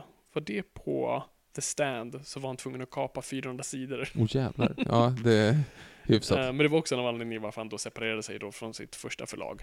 För att de just bad om att ta bort fyra. Tänk att ta bort, huh, fy fan, alltså. Så När någon säger, alltså ta bort en, alltså, nu är det annorlunda i manus för det är kortare, men alltså bara ta bort två sidor. Jag har hört ibland tio sidor, jag vet aldrig hur man gör det. Och så ska man se till så att om man tar bort det där, då kommer det påverka just den där Precis, scenen så som kommer sen, så exakt. måste man skriva om. Det är en kedjereaktion. så det är en mardröm att hugga ner. Och liksom, ska man kapa hela scenen, ska man kapa lite av, är det så många bäckar små, men kommer de funka då? Är det typ, huh, mm, mardröm. Så är det. Ska vi snacka film nu? Ja, så precis. Vi ska prata filmer. Så jag tänkte bara först gå in lite små intressanta grejer. Han har ju någonting som är ett koncept som man kallar Dollar Baby. Mhm. Och det är ju då, om det finns så unga, oerfarna filmskapare eller typ så här eh, filmskoleelever som vill adaptera hans verk, eh, framförallt ta hans då noveller, korta historier, då, är, då behöver de bara betala en dollar så får de rättighet, eller så får de då låna rättigheterna till att göra Mhm. den eh, filmen. Och det tycker jag är en jävligt schysst grej. Också tyder på en snubbe som inte doing it for the money, utan han liksom vill faktiskt bidra lite. Det var lite, det var stort. Ja. Vad är det någon av de där som har lyckats tänkte jag säga? Alltså är det Inte någon av de där kortfilmerna som har liksom blivit någonting? Inte vad jag vet. Men Men ändå, det- det kanske är bra träning. Ja, men det är där man ser också. Kolla bara hans writing credits på IMDB, för det- writing credits inkluderar ju då hans förlagor då som saker är baserade på. Hur fan många Ja, titlar det var är det? typ, Typ 200 eller något sånt där. 200-300 stycken. Det är helt Mm. galet. Nästan som Christopher Lees acting credit. typ, jag tror ingen kan slå hans acting credits. Nej. Är liksom, han har spelat allt från toalett till Sauron. Ja, nej, det, det håller, ja. Mm. Nej men, ehm, alltså King har ju inget problem, han gillar liksom att folk har adapterat hans verk. Han, han, han, han älskar film och han förstår att medierna är olika. Och eh, så han, han har ju aldrig haft något större problem med Han har ju haft såklart problem med enskilda verk och det är ju här då vi kanske kan komma in lite på The Shining. Om vi kanske bara ska börja lite där. Problemet med The Shining. Mm. För att han ganska känt nog hatar ju Star Trek men gillar inte den adaptionen. Och så det är den andra, jag tänkte säga, Carrie gick väl bra. Alltså den kom ju 76 och Ja. Shining kommer 80, så det är väl ändå hans, alltså det är ju ganska kaxigt att en av världens största regissörer vid den tiden väljer att Han adaptera var hans. superglad när han fick höra den nyheten för att han fick en deal med Warner Brothers först, Stephen King då, att skriva ett första draft på Shining, vilket han gjorde, så det ligger där ute någonstans. Men när St- Stanley Kubrick kom, då rökte ut genom fönstret. För Kubrick hade ju sin, det är en ganska kul historia hur han, för att Kubrick var lite intresserad av att göra någonting övernaturligt, eh, skräckartat, någonting med spöken. Så han köpte typ varenda, klassisk Kubrick, han köpte varenda bok som fanns i stort sett. Och hans assistent har då beskrivit att ehm, varje gång eh, Kubrick inte gillade en bok eller han gav upp på den för att han läste lite av det, sen, då kastade han den i väggen. Mhm. Så hon kunde höra liksom dunk, dunk, dunk. Men sen en dag så blev det tyst. Mhm. Och då blev han så här, åh vad är det här? Och då var det The Shining. Då hade han hittat The Shining då bland alla de här böckerna. Och den satt han och läste. Och han då ganska känt då ringde Stephen King och sa Hello, this is Stanley Kubrick. Don't you think that ghost stories are optimistic? Hello? och så, så, sorry Stan, I, I, don't, I don't really understand. Well, that is proof that is that there is an afterlife. Isn't that optimistic? Isn't all ghost stories optimistic? Well, Stanley, I don't know. What about hell? Det var en lång tystnad. I don't believe in hell. Ja. Man insåg lite där då, bara okej, det här... Mm. Ja, det är bra. Så eh, jag jag vet inte om det är någon som ser Shining som en optimistisk film, men... eh, Nej, nej. För det är det här som var då lite grejen. Eh, Vad, vad, vad hans problem, Kings problem med Shining, för Shining är för det första en väldigt personlig story för King. Den dealade mycket med hans alkoholproblem, för det handlar om en eh, al- alkoholiserad farsa som håller på att slita sönder sin familj. Hur en familj splittras. Det var ju det en metafor det här var för Mhm. huset som försöker suga upp den här pojken, för det är det det handlar om, att, att huset vill ha och desto spöken vill ha den här pojken med de här krafterna. Ehm, och det är det de vill komma åt. Och eh, det handlade, det handlade om, det var liksom en, en familjehistoria. Och det är in- och framförallt också hur, hur en, han skriver då Jack Torrance som en ganska nobel karaktär som fördärvas Mhm. och går ner i, liksom, i galenskap. Ehm, och ganska rätt nog argumentet så här. Castar Jack Nicholson bara yep, crazy. Ja, nej, Från det- första gången du ser honom, inte riktigt så här family man. Nej, och framförallt inte efter att han gjort One Flew Over the Cuckoo's Nest. Alltså det, Nej, den är ju precis. innan. Så men, det, det är klart att, att man har ju inte riktigt förtroendet för honom i första scenen han sitter där med jätteleendet Ja. liksom. Ehm, Precis. Poäng. Så, mm, nej men så han beskrev, han sa det liksom så här, alltså Shining är en jättevacker film. Han beskrev det som, det är en, otro, det är en otroligt vacker, perfekt Cadillac. Utan motor. För han tyckte den var liksom iskall. Liksom, den, att uh, Stanley Kubrick jobbade alltid utifrån hjärnan och aldrig från hjärtat. Eh, jag, jag förstår argumentet. Håller inte alltid med, men, men i många fall är det så. Och det är ju en ganska kall film eh, som, som är väldigt teknisk och, och jobbar väldigt mycket med då. Eftersom det är ju ett stort erkännande att han fejkade må- månlandningen. Så att, eh, Ja, just det, Han var ju precis. upptagen med annat. Ehm, se den dokumentären för övrigt. Gud. Room eh, 237. Eh, det är galet. Jag vill bara säga, jag tror inte på att han fejkade månlandningen för övrigt. Ehm, Inte jag heller, men, men det är galet att folk är så pass insatta så att de har gjort en hel film om det och är helt toksäkra på att han gjorde det. Yes, och, och alltså när du väl ser den filmen och, och alltså när de drar argumenten, det är många läskiga Ja, faktiskt. Grejer. Men det är som att han måste, han måste ha hintat om det. Alltså att så här, jag vill att de ska tro någonting nu. För det, så här, tröjan, Ja. du vet när Danny ställer sig upp med Apollo-tröjan Precis. och går in till rummet och det, 237 har också en, en slags, om det, det var antal sekunder att lämna atmosfären. Jag kommer inte ihåg, det var någonting konstigt. Ja, de har väldigt många argument för att det är... Jättemånga, och när du väl, det är lite såhär när du för djupt in en dokumentär så bara, ja, nej, fan, det, det är sant. Jag, jag tror David Bowie sköt Kennedy. Jag menar, man börjar tro på premissen Sp- till slut. Spinal Tap är det bästa rockbandet som någonsin gjorts. Det är det. Det är det visserligen. Ja. Ehm, nej men så det, det är de problemen han har med Shining. Han tycker det är en väldigt kall film som, som verkligen tar bort de viktigaste delarna av boken. Som sagt, jag har inte läst boken så jag kan inte säga det, men det är ganska många olikheter. Han jämförde också, det, i slutet av boken så slutar det med att huset brinner upp, för det finns en liten sån här kokare, sån här eh, vattenkokare i källaren -hmm som bubblar hela tiden. Som en metafor i stort sett för hela liksom, storyn och sen exploderar den på slutet. Så huset börjar brinna. Men hur, hur det slutar på Shining? Eh, Alltså filmen. Ja, Nu, sp- spoilervarning, äh, han fryser ihjäl. ja, det är snö. Snö kommer ju också in i hotellet lite, där ser Mhm. man ju också. Så att där saker fryser ihjäl istället för brinner. Så det är verkligen upp och ner världen där. Mm. Eh, och han tog ju bort jättemycket. Det gjordes ju den här, såg du den här tv-filmen som... Ja, jag, miniserien. Mm. Alltså, jag har sett scener ur den bara, den här labyrintgrejen med de Precis, levande börjar ornamenten. levande- Och bara så, vad händer? Ja. Vad är det för någonting? Skönheten och odjuret. Eh, Mm. Nej, den var inte särskilt bra. Nu kommer inte jag, jag såg bara, jag såg någon del av den och jag såg inte hela, men, men när då alla eh, trädgårdsdjur börjar leva så bara mm. I'm not buying this. Nej. Visst, alltså det... Jag är för ibland så här trogna adaptioner, men jag, jag tror verkligen adaptioner, alltså det är två olika medier, du måste kunna separera dig och vissa saker funkar perfekt i böcker som inte gör det i film och jag tror levande trädgårdsdjur inte fungerar så bra på film. Nej, framförallt inte om de halvkast animerade. Att det var de främst. Fan Mm. vad dåliga de var. Mm, jättefult. Påminner lite grann om eh, Merlin-serien, när eh, de är attackerade av Griffins. när de står och bara viftar i luften, man ser bara nej, nej. Not a chance in Det är hell. inget motstånd, svärden svingar full swing liksom. Nej, och alla, det är typ samma scen. Det, det är som eh, Kjell Sundvalls där, Hotet. Du vet, det är samma scen av två JAS-plan som åker upp och ner. Och. Och så spegelvänder de och lägger dem upp och ner och lägger en sepia-ton på det och drar det långsammare och drar det snabbare. Det var typ det. Det är samma scen av den här gripen, eller vad man säger, som hoppar fram och hoppar tillbaka och biter. Ja, precis.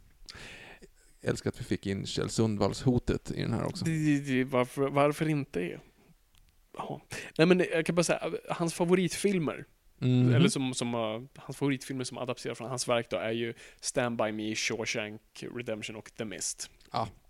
Hans hatfilmer är ja, Shining, eh, Running Man hatar han, och eh, Maximum Overdrive tycker han också är den värsta filmatiseringen som han gjorde själv. ja, jag förstår.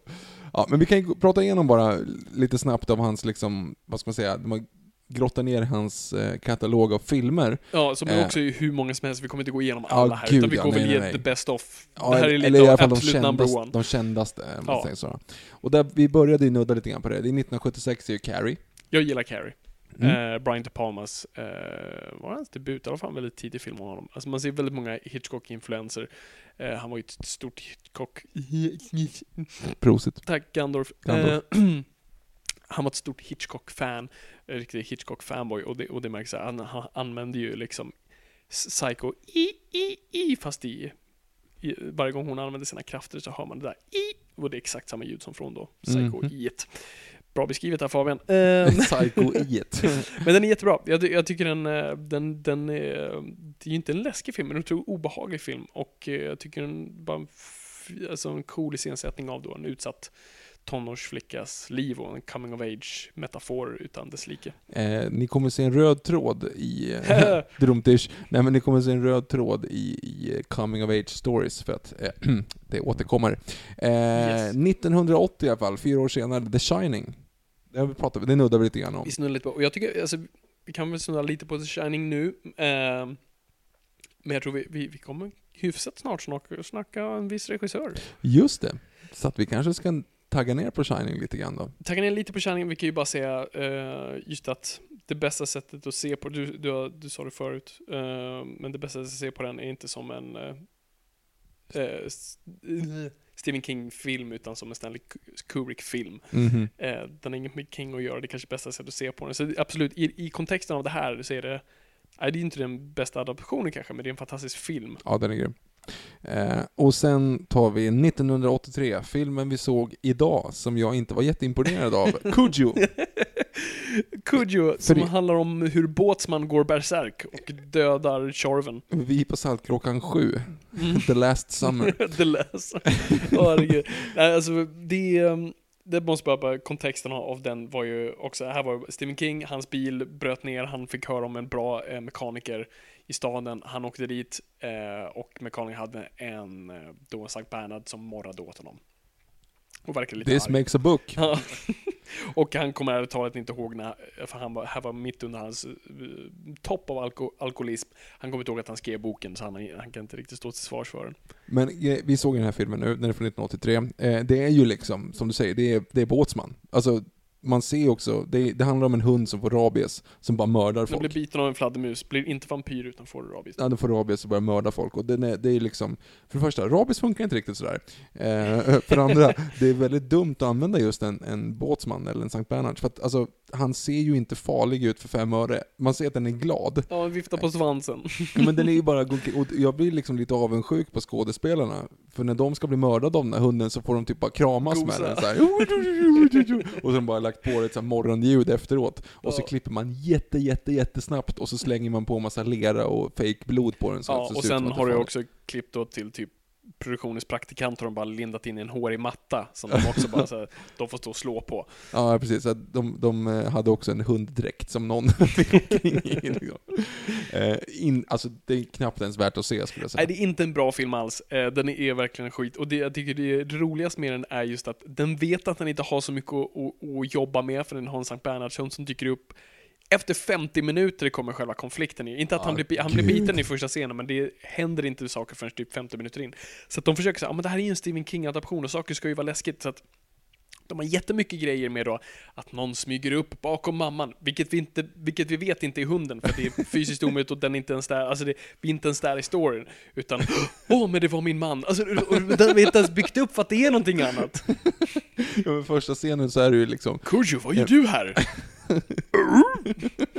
Nej, men, nej men det börjar ju det börjar ju med att en pojke som sitter i sitt rum och så åh det, det, är, och så, det är typ ett monster i min garderob. Mm. Och de verkligen bygger för det, för att dörren öppnar av sig Ja. själv. Och det är också liksom filmat inifrån som att det är en Mm. point of view, att det är någon i garderoben. Man tänker bara så här, fast vad ska hunden ha kommit in om natten och gömt sig i garderoben? Han krossade rutan, öppnade upp du vet, dörren inifrån genom köksdörren och så här, smög upp och stängde in sig i garderoben. Ja, Han tänker den här. Ja, nej men det, det är så jättedumt, och så försöker man bara få det att verka läskigt. Och det är något otrohetsdrama, och pappan i familjen... Ja, pappan i familjen jo- jobbar på en sån här ad agency som då har gjort en kampanj för eh, frukostflinga. Och den här frukostflingan tydligen dödar den personen. Så det är jättestor drama med att han måste åka iväg och lösa det här problemet. Det är en PR PR-katastrof. Och det är seriöst inget. Vi klipper från att de här då, då när faktiskt Sankt Bernhards hund, en båt som man väl sätter igång, så är de då instängda i en bil, eh, för båtsmannen vill komma in i bilen och de sitter där. Och då klipp, för de är ju tvungna att klippa bort för att inte göra allt för tråkigt. Så då klipper de seriöst till en scen då det, mannen är i en annan stad, han går in på en restaurang med en kollega, sätter sig och börjar äta hummer. Och så klipper de bort. Och det är inte ens spelat för humor, det är inte smart, det är inte liksom såhär, vi måste ha någonting här. Ja, nej, det, det är verkligen jättekonstigt. Ehm, Och där är ju sådana grejer, det där är ju säkert någonting som kanske är jättebra i boken. För i böcker kan du göra så här, klippa fram och tillbaka, du kan faktiskt få ett här, typ PR-drama att funka i en bok, i, liksom i bokform Mm. och bygga draman på olika sätt. Eh, men i film, nej, det nej, går nej, inte. Nej, det, det var jättedåligt. Eh, tre år efter det i alla fall, så kommer filmen Stand By Me. Yes. Med Corey Feldman och jo Joaquin Phoenix lillebrorsa, River, Phoenix. Yes. Jag tycker att det här var helt fantastiskt. Jag tycker, jag älskar Stand By Me. Den är ofantligt bra. Det är en sån här film som premissmässigt låter såhär, nej men jag orkar, varför, nej, det här låter tråkigt. Ja, fast samtidigt, på ett, ja, på ett sätt. Men är läser du rakt upp och Ja, ner? ja, men är du, in, är du liksom sugen på en, en one trick pony, Mm. eh, då är du liksom bara såhär, ah hell yeah, det här är bra liksom. Men jag förstår vad du menar, det, det låter Mm. ju som en ganska osexig version av det. Eh, storyn är, det är en coming of age story, no shit. No shit. Eh, av fyra kompisar som får reda på att det finns ett lik i, eh, några mil bort från sin stad, så att de, de helt enkelt ska gå och titta på det liket. Det är storyn. Ja, det, det är verkligen storyn. Och det låter jätteosäkert och inte intressant och det är ingen zombie involverat eller någonting. Ingen övernaturligt Nej. whatsoever, utan det är de här tre kidsen.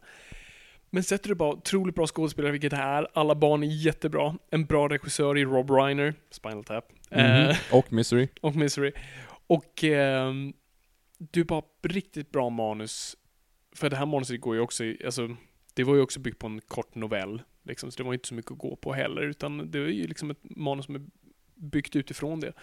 Eh, gör du bara det och har en riktigt bra story, alltså du blir förhäxad i det.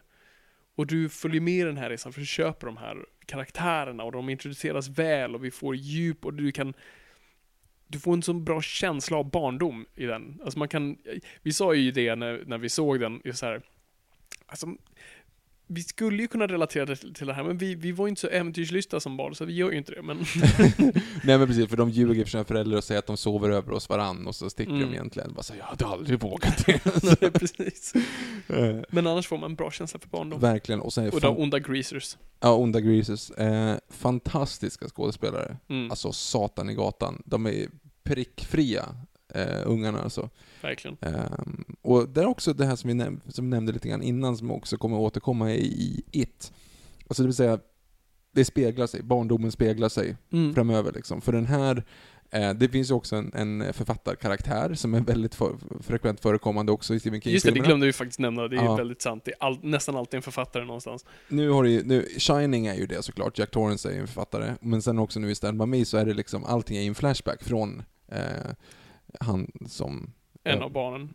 Ja, ja precis. Ja, jag, jag, tänkte, jag tänkte dra något dåligt skämt om Jaws, men jag kommer inte på något. Eh, nej, men han minns tillbaka i alla fall på den här historien, så att du har Mm. liksom en grej att du berättar om den här historien, och han är då en författare, och pratar tillbaka på sin barndom och allting var så vackert i, i Maine, Mm. såklart också, Burmi. um, och den är väldigt bra, för det är också den här den här grejen med vad som händer i din barndom eller var du har din uppväxt, så speglar det ditt, eh, ditt beteende. Mm. Oavsett vad som händer så hamnar du tillbaka där liksom. Mm. Eh, och eh, Corey Feldmans karaktär som har den här, hans, eh, hans pappa är jättehemsk. Alltså Mm. man beskriver, när han beskriver liksom hans pappa så är det bara, ja, han dricker jättemycket och en gång så tröckade han min, mitt öra mot spisen så att jag skadade Mm. mitt öra helt och sådär, och han är liksom helt... Men ändå så är typ det värsta man kan göra är att förolämpa hans pappa. För att han har ju den här grejen också, han har ju en superfascination med att han var med i Normandie, Mm. hans stormning av Normandie. Så att han går omkring med den här fältflaskan och, och han glorifierar militärer jättemycket. Ja. Det, det är en väldigt eh, fin sak. På ett Verkligen. sätt som är Och just, obehagligt. och just det här konceptet också med, som de säger, alltså, så här, relationerna och vänskaperna du har när du är 12, det är inget som kommer slå dig någonsin. Och det spelar ingen roll att du hade dem då, för de kommer inte kanske finnas kvar och du kommer inte kunna ha, för det är ju det han också säger, att här, relationer rinner ut i sanden. Men just de, när de är som intensivast, där, är där runt 12. Ja, nej, det, det är... eh, Man blir nostalgisk utan att känna igen sig. Eh, Man kommer ihåg hur du var barn i alla fall. Ja, nej, men den, den är väldigt bra. Den, den rekommenderar jag otroligt Ja, har ni mycket. inte sett den, gå, och gör det. Mm. Jag såg den också när jag var för ung. Eh, Mm. Inte, nu när, när jag väl tänker om det så kanske jag såg den här innan fast jag visste inte att det var en Stephen King. Det var ungefär samma sak. Så här, satt och kollade på Mm. eh, typ TV och så slog min far på Åh, den här filmen är bra! Och allting som en far säger är bra när man är liten. Det Ja, tycker man är ja. fantastiskt liksom. Eh, host, host, Fabian och Atham Heart Mother. eh,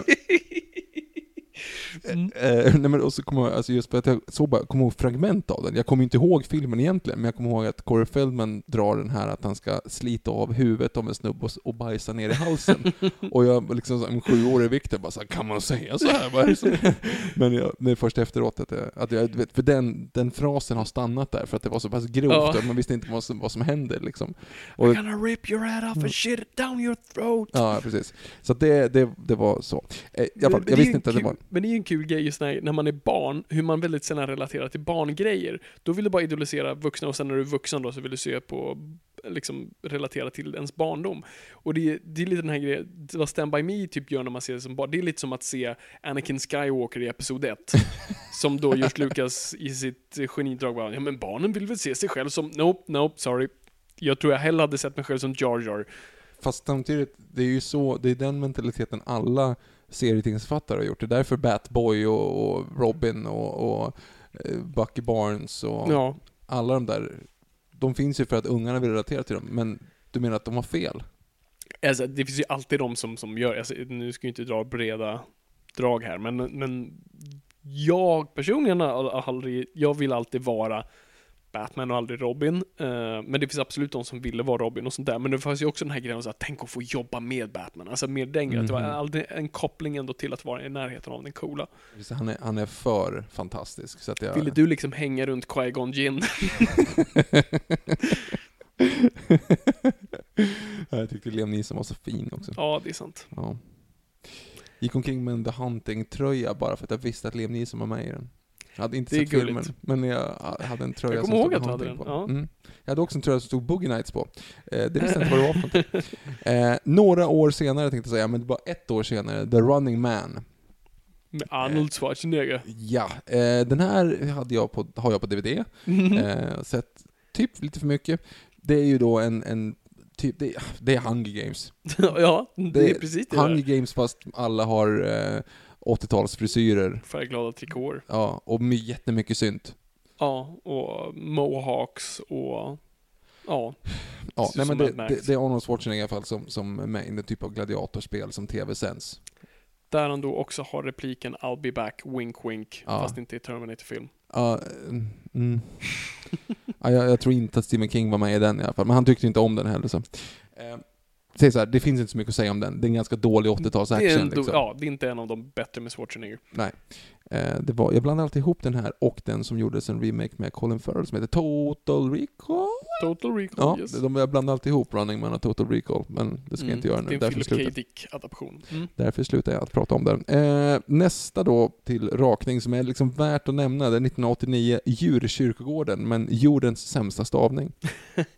Ja, vad är, för, vad är grejen med den stavningen? Stavas det så? Jag har ingen aning, men det stavas som J-U-R-T-J-Y. Alltså det är jättekonstigt. Kyrkogården? Djurkyrk... Alltså men djur, jag vet inte fan varför. Ah, ja, det gör det på svenska, jag vet inte om det är... Det, ja, det var säkert subtitle-personen var också på kokain med den tiden. Så Det vore ju lite roligt om den är rätt stavad på engelska. Jag vet faktiskt inte det nu. Mm. Eh, nu tänker jag Animal Farm, men det är George Orwell och något helt annat. Det är en helt annan grej. Eh, så att det, det vore ju lite, Pet Sematary heter den, men det är lite roligt om den inte är felstavad utan det är bara någon Yes. liksom, praktikant som inte kunde stava som bara råkade översätta. Om det är någon som vet varför, hör av er på hashtag Noipod. N-O-J-P-O-D, hashtag vi kan podda utan Google. eh, det är ju en, en ehm, ja, vi behöver inte dra så mycket på det här heller, men en typisk skräckfilm. Eh, det är den här man tänker på till första gången man har, den här och Children of the Corn skulle jag säga, som jag inte kommer nämna Ah, gud, heller. Children of Corn. Den råkade, det är fan en av de tidigaste, det, nu fick jag en flashback här. Det var, för det hade en klasskompis till oss tagit med sig till skolan. För vi hade en TV, eh, jag vet inte, hade vi en TV i klassrummet hela Mm, Vi tiden? hade en liten TV på det var rullband. fan, ja, det var lite lyxigt för det var sån där de rullade in annars i andra, Mm. för när jag gick i en annan skola sen, då var det ju den här, det var ju bästa, man visste när den stod i klassrummet och man visste, blir det film idag? Jag har sett både Djurkyrkogården, eller både eh, Children of the Corn och Misery på den TVn. Nej, jag såg Eller bara, halva jag såg, Misery. också, jag såg bara djurkyrkogården hur någons ryggrad så här poppas ut genom huvudet. Ah, gud, det satte sina spår. Mm. Jag är rädd för ryggradar också. Ryggradar. Ryggrader? Eh, nej, men Djurkyrkogården i alla fall. Eh, det, det är en enkel, enklare version av storyn så är det att det finns Indian Burial Grounds. Eh, där om man begraver eh, djur där så börjar man leva igen. Mm. Och då är det en man då som ja, begraver lite olika människor och lite saker där som börjar leva igen. Eh, och de blir mordiska. Ingen superfilm, men funkar för liksom Ja, det här är en jag inte har sett faktiskt. Ja, den här, men det var, det var liksom länge sedan. Det, det är en standard skräckis liksom. Mm. Den har lite, lite så här eh, scener man kommer ihåg. Eh, det är bland annat en man som blir... ju, man har ju lite så här problem. Vet, paper cuts är ju jobbigt. Ja. Eh, Jackass drog det ett steg längre de drog paper cuts mellan fingrarna, du vet. Åh, Mm. åh gud. Ja, och mellan tårna. Eh, det är inte ens roligt, det är bara ont. Och det är lite grann samma sak i den här, för det är en, en, en, en modisk bebis. Alltså Mhm. han har någonting med så här att, visst, jag förstår att det är så vardagliga saker ska vara farligt, men en, en mördande bil, mm, en mördande Sankt Bernhards, mm, en mördande bebis, nej. Så att, ja, i alla fall, bebisen tar en skalpell och skär då en, en man eh, Mm. över munnen så att liksom mungiporna Ah, ja, ja, ja. öppnas. Oh, Och sen också lite hälsenor och grejer. Så att han, han är duktig på att liksom hitta de sakerna som, Ja, som precis. gör ont. Eh, i. Eh, och sen då, året efter det, så kommer en TV-film som vi har Mm. sett. Eh, en film som nu remakas i form av eh, Bill Skarsgårds vackra nuna It. It. Yes, med Tim Curry som Pennywise. Fy fan vad dålig den var. Den är inte så bra. Eh, Tim Curry är bra. Hiya Georgie! Ja, bra, bra imitation. Kiss me fat boy! Nej tack. Jaha, du men du, okej. Ja, Ja, ja, det det jag han trodde att du sa det till mig. Eh, nej men jag tyckte, jag såg inte alls charmen i den här. Jag, det var jättedåligt skådespelat. Alltså, yes, det, var, det, var för, särskilt bland de vuxna. det var för Ja, barnen är ju bra jämförelsevis. Seth Green är med. Mm, han är faktiskt bra. Han är, ja, han, han är bäst i film. Man fattar ju liksom, okej, en av de här blir, en av de här blir någonting, om man så kunde se direkt första scenen, okej, det är han som faktiskt kan leverera repliker utan att Mm. spela över. Alla kör den här, ehm, alla kör Emma Watson i första Harry Potter, alltså du vet, ser dös, Mycket, mycket ögonbryn och tänder. döseriösa ut hela Mhm. tiden. Alltså även om de ska liksom leverera någonting så är det liksom så här, hmm, Mm. det, det är väldigt, väldigt, väldigt fundersamt. Eh, förutom då Seth Green som kör en bättre version av eh, Ron Weasley, tänkte jag säga. Ja. Vad heter han? Rupert Grint. Ehm, Nej men det de gör här är ju då, de, de valde ju då, det, det här skulle då vara ett stort TV-event, det skulle visas på två kvällar, en och en halv timme styck. Ehm, där de då adapterade boken rakt av, så de körde då både, alltså boken är då uppdelad så att man följer då barnen när de då dealar med Pennywise och sen då när de har växt upp. Jag vet, alltså om jag inte har läst boken vet jag inte om de klipper fram och tillbaka, men jag för mig att det är som i nästan två delar. Eh, och där har vi lite mer den här arvsynden och, och också hur trauman, och delat trauma och allt sånt där. får, får jag bara sticka emellan här? Yes. Victor? Det här kan vi göra, det här är live i podden, vilket är lite dumt egentligen. Men ska vi inte spara just It-snacket till på slutet? Så att om de som inte vill få It-filmen spoilad för sig kan vänta till slutet. Och så kan jag prata lite om att jag har sett den nya It. Precis. Okej, ja men då, då gör vi det. Gör vi så här, Vi då- sätter lite bokmärke här. För er som kommer ihåg, eh, eller för er som, som eh, kommer ihåg, vad man säger, för er som inte vill höra eh, det här nu och vill se It-filmen innan dess, så vänta med att lyssna på slutet av avsnittet. Fortsätt lyssna nu, vi kan hoppa till slutet på avsnittet. All right. Eh, så vi fortsätter då, 1990, filmen vi också precis såg, Misery. Alltså jag älskar eh, Misery. Nu var, det länge, nu var det ett tag sedan jag såg den och det var kul att se den nu igen. Och för jag insåg hur bra den är. Den var jättebra. Det är en Jag- perfekt film. Alltså det är en perfekt film. Alltså perfekt då menar jag i vad den då är. Liksom vad den presenterar, vad, vilken story den vill berätta i, vilken kontext den gör det och hur den berättar det. Perfekt. Mm, nej, jag, jag håller med. Alltså, du, kan, du ser inte någonstans du skulle kunna ändra den, faktiskt. Nej. Och det låter ju hårt. För det betyder inte att det är en femma för mig, men det är ändå liksom såhär, ja, ja, du kan inte göra så mycket bättre. Så att, det- Ja, nej, för mig är den femma. Eh, William Goldman skrev manuset. Han skrev också Dreamcatcher, men skitsamma. Um, um, och det är ett perfekt manus. Alltså jag om, vi, om vi har aspirerande manusfattare där ute som lyssnar, se på den här. Perfekt hur den presenterar karaktärer, hur den driver karaktärer, hur den driver story, också i en limiterad miljö. Alltså den är en timme och 45 minuter lång, vilket är svårt, för nu spelar den i stort sett nästan i ett rum. Mhm. Eh, med absolut, mm, den kliver utanför lite, men, men till liksom 85% där i det där rummet. Och det får att flyta och rulla och det funkar. Du blir aldrig uttråkad och det, allting drivs ständigt av karaktär och... Nej, det är... Åh, gud vilken bra film det Ja, är. det var superbra. Kathy Bates är eh, Oscarsvärdig, tänkte jag säga, men det är hon ju också, som hon vann en Oscar för bästa Hon vann kvinnliga en huvudroll. Oscar, precis. Eh, Eh, och gör en konisk roll av det där. Alltså, det, alltså du fattar den personen, bara i det hon lyckas göra.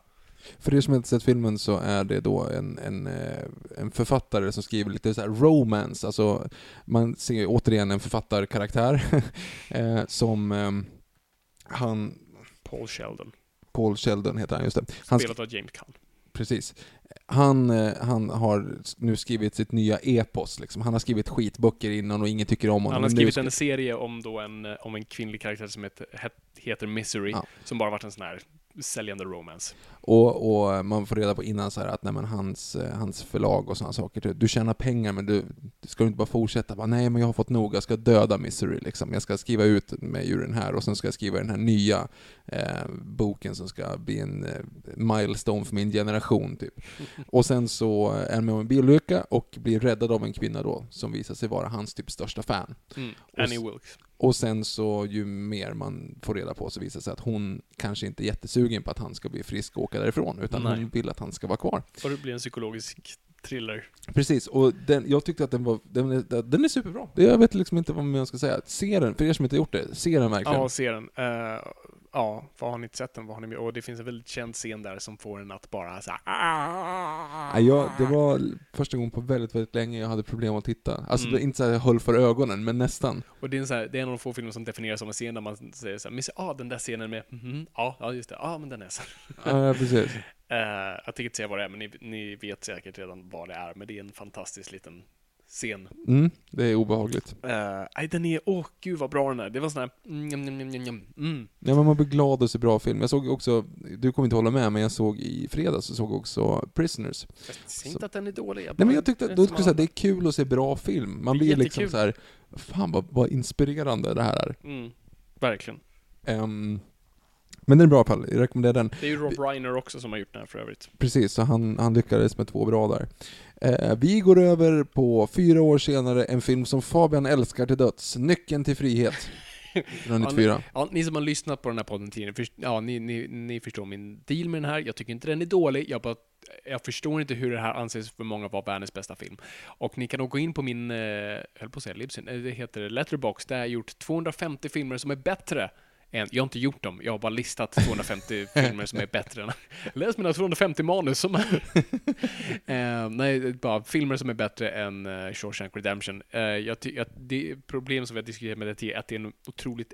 Alltså, hmm, jag, vet inte, jag gillar inte att trycka ner filmer och säga att det är utan varför jag, det här är så här, varför jag tror folk gillar den är för att den är så enkel. Karaktärerna gör exakt vad du vill att de ska göra.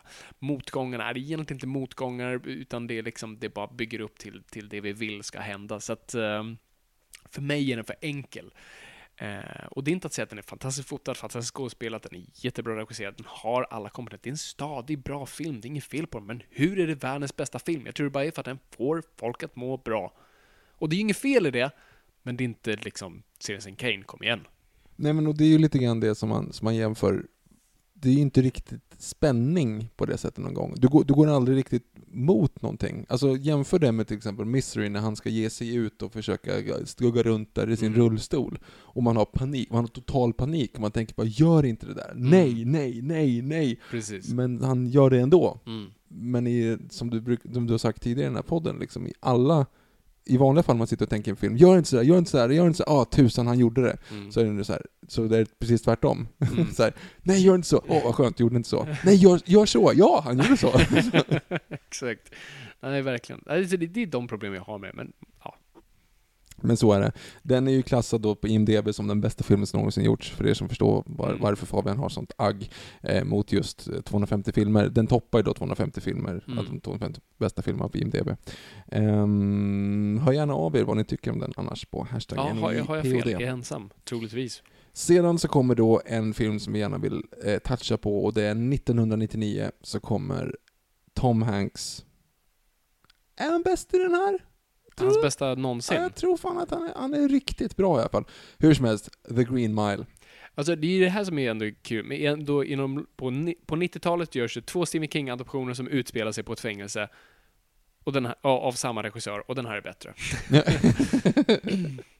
Den här tycker jag är så mycket bättre än, än Shawshank. Ja, men, ja, men, det, ja, men det håller jag också med om. Det är en svårare film, det är, liksom, det, det är mycket mer tuggmotstånd, det är, jag tycker det är en vackrare film, jag tycker den dealar med större grej. Jag vet inte, jag, jag, den tycker jag är så mycket mer. Ja, men jag håller med. Och jag har som sagt också läst den här boken. Ehm, det, jag vet inte riktigt egentligen heller vad det är som gör att den är så fascinerande. Den är ju, den utspelar sig på ett fängelse 1935. Mm. Eller säga så här, den börjar egentligen i nutid med en man som, som berättar för en, en, eller en gammal man som berättar för en gammal kvinna liksom om så här, har du någonsin hört om, eh, om min tid i fängelse? Typ. eller när jag jobbade på ett fängelse. Och så berättar han hela den här storyn då ur sitt eget perspektiv. Och ehm, ja, det, är- det är lite övernaturliga grejer och lite sådana saker som händer. Mm. Men Eh, inte en skräckis. Det är inte en skräckis alls, utan den är bara liksom, den, Obehaglig, men inte skräckis. ja, jag vet inte riktigt vad man ska säga om den heller, för det är inte riktigt ett drama. Jag vet inte, jag vet inte vad det är det för är film. drama. Det är, det, jag tycker det är en drama på sin högsta Ja. nivå. Alltså, det är inte en thriller. Nej, Den har obehagliga komponenter och sånt där, men det är, det är, det är ju verkligen en, en fängelsedrama utan då, utan ett prison break typ.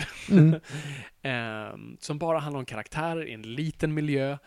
Ehm, och den ställer frågan om rätt och fel och, och religiösa frågor och, och alltså, moral. Den, den drar upp så många komponenter på en sån liten yta, vilket är perfekt just när on death row, alltså vad som händer där och, Mm. och de, de, de moraliska aspekterna som, som, som sker där. Jag tycker det är en jättebra porträttering av de idéerna.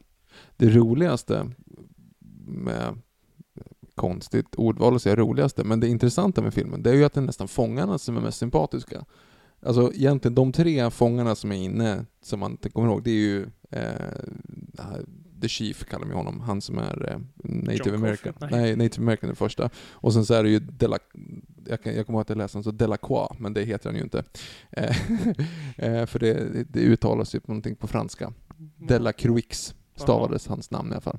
Eh, skitsamma, och John Coffey, det är liksom de tre som man tycker om. Ah, det är Mr Judeski i, i Mm. Jurassic Park 3. Precis. Eh, som är de, och de tre karaktärerna är ju väldigt sympatiska. Eh, Mm. i, som, de, de är ju dödsdömda fångar liksom. Och sen så är det typ vakterna, det kommer ju in en, en, så här, en bortskämd typ spoiler, spoiled brat till en vakt liksom. Och Ja, han just är ju den man tycker minst om.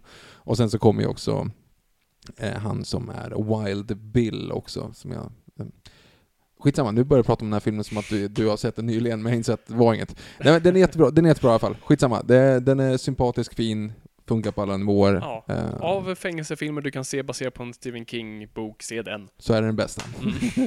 eh, sen hoppar vi ganska långt fram, eh, tänkte bara, för vi måste toucha två, liksom, ska jag säga, jag tänkte säga moderna, men det är tio år sedan de här Jag vet. kom. Och Shit. man, jag tänker att de här är nya. Så att den, här, den här såg jag väl som poster i tunnelbanan för ett tag sedan. Ja, det är eh, Mikael Hofströms 1408, en av dem, eh, som kom 2007. Och Mikael Hofström, han gjorde ju då först Ondskan, som Yes. gick Som- väldigt bra. Oscars-nominerad. Jan Guillou arg att han inte fick gå på Oscarsgalan. Ja, just det, det var han. Eh, och det var väl ett calling card. Mm, och sen gjorde han ju då, det var väl, ett- jag vet inte om det var ett drömprojekt eller om man bara fick en, ett infall, man gjorde Strandvaskaren. Så det var inte så mycket att hänga i julgran. Men ja, den har väl sina stunder kanske. Den har inte ens det. Den är inte, den är inte bra. Eller, alltså det, är- det är liksom en slasher story, och man tänker så här, ja, ah, det är säkert en smart grej på slutet bara. Nej, Jag har glömt bort slutet. Jag kommer inte, var det någon twist till det? nej, Var inte det? Okej. nej, men det, det är Scream. Alltså, det är Scream. Jag hade lyckats om det inte var för de här Dum, dumma ungdomarna och hans och- hund. mm. Ja, ja, precis. Ja, ja. ja men det, det är typ... I alla fall. Och sen... Eh, 20, och sen så gjorde han ju Derailed med Mm. Jennifer Aniston och Clive Owen. Yes. Som jag tycker ändå har sina stunder. Det Jag var har inte lite- sett. Ja, det är så här. Och sen fick han göra den här då. Mm. Som en ad- adaption av, eh, av en Stephen King-bok. Eller det är en short story Jag tror det är en jag. short story. Om ett, ett, eh, ett rum på ett hotell som är hemsökt. Mm. John Cusack och Samuel Jackson. Och det är liksom en helt okej, liksom Mm. Nej, men jag tycker att den- stadigt berättad. Lite för mycket CG-grejer och sånt där, men och, och lite mycket bygga på en twist och skit och sånt där. Det kommer det, för det finns två versioner. Två versioner. Jag, kommer inte ens ihåg vilket som är riktiga slutet. Nej, det är det jag vågar Ja. inte säga. Nej. Eh, den Jo, mest... men jag får med att den, den som gick på bio var det lyckliga slutet och sen den man kunde se på DVD var det Ja, just det. Så kanske det var. slutet. Så kanske det var. Eh, det läskigaste tycker jag är, för er som har sett den, för er som inte har sett den kommer ni ändå förstå, det är hologrammen. Hologrammen? Ja. Jag kommer inte ihåg. Det baseras ju på, ett, ett, det baseras ju på tidsaxlar. Det, det är ju 60 minuter hela tiden. Mm. Och så efter 59 minuter då, efter, efter 59 minuter så ser man ju typ ett ho- hologram. För jag får rysningar av det och säger det Vad menar du med ett hologram? Nej men man ser ju att det har hänt förr, det här rummet. Okej. Alltså de tidigare invånarna i det här rummet har, gör en specifik sak efter fem- 59 minuter. Jag har glömt bort faktiskt. Okej, ja, ja, men då får vi prata om det här sen. Ja, jag tycker att den var jättebra i alla fall. Eh, och sen den filmen som, som var det bättre av de som kom det året, det är samma år kom filmen The Mist. Frank Darabont igen. Yes, nu inte i ett fängelse, men folk är fängslade. Han verkar ju inte ha jättemycket till övers för religion. Nej, det verkar vara en grej han har problem med och det är verkligen utarbetade han enormt här. Japp. Ja, men The Mist är en jättebra film. Eh, det, var, det var också en sån här film man såg bara, gud vad bra berättat det här är. Liksom, i, också i den limiterade miljön och den jobbar med karaktärer på ett intressant sätt. Den har ett så pass bra slut att Stephen King sa, fuck det där skulle jag ha kommit på. Skit, fan vad bra det där var. Mm. Ehm, nej, jag tycker det är en jättebra film. Det är ju som vi har pratat om tidigare, alltså specialeffekterna är, alltså drar nästan ner den filmen. För Ja. det är så gräsligt. Ja, det är dåligt faktiskt. Så det är så synd för att resten är så bra och att det ska distrahera bort den från, från den faktiska filmen Mm. är tråkigt. Men det, är- det är en Det rekommendation är i alla liksom typ alltså. den sista bra Stephen king Jag vet inte hur många det har varit sedan dess förvisso. Ja, men du kan ju jämföra. Du har ju sett det, vi kan ju prata om det sen. Vi kan komma på det sen. Eh, Men om, om vi bara bortser från det, vilka andra har kommit efter det? Dark Tower. nej, nej, men jag, jag vet Jag kan inte. komma det är Jag säkert kommer- kommit, men eh, jag kan inte komma på något som, som har tagit mycket plats i alla fall. The Nej. Mist blev ju av en så här kulthit direkt. Mm. För det var ju ingen super high, high budget, det är ju därför den är Nej, så precis. dåligt animerad. Mm. Eh, och då försökte de ju rädda det genom att göra en svartvit, men så bara nope. Har den, mm, bara så här skittaggad på sin svart, som vi pratade ju om svartvita versioner förra, i vår frågestund förra avsnittet. Mm, det är ingen som ju- lyssnar på frågestunden Nej, jag vet. så. Men eh, det, det är ett praktexempel på varför du inte ska göra det. Precis. Eh, så nu har vi bara touchat på de här filmerna eh, som man borde veta om, eller man ska säga, på, på eh, Stephen Kings katalog. Så kolla gärna upp dem, och de i så fall rekommenderar, alltså det är klart man, ska väl, man kan väl se allihop, men du, du, det är väl Carrie, Shining, Stand By Me, eh, Misery. Misery, eh, Shawshank Redemption borde du se, Green Mile, The Mist. Det är väl det. Skippa Shawshank, kör Green Mile. Ja, du, om du ser båda två. Du, jag säger såhär, skippa Kujo. Det, jag vet inte om jag har Green Mile på min 250 filmer. I så fall måste jag ju sätta den där. Ja, då måste du ha 251 filmer som är bättre. Men jag kan ta bort en. jag måste kolla upp det där. Det vore roligt att ha 251 filmer som är bättre än Shawshank Redemption. Ja, jo.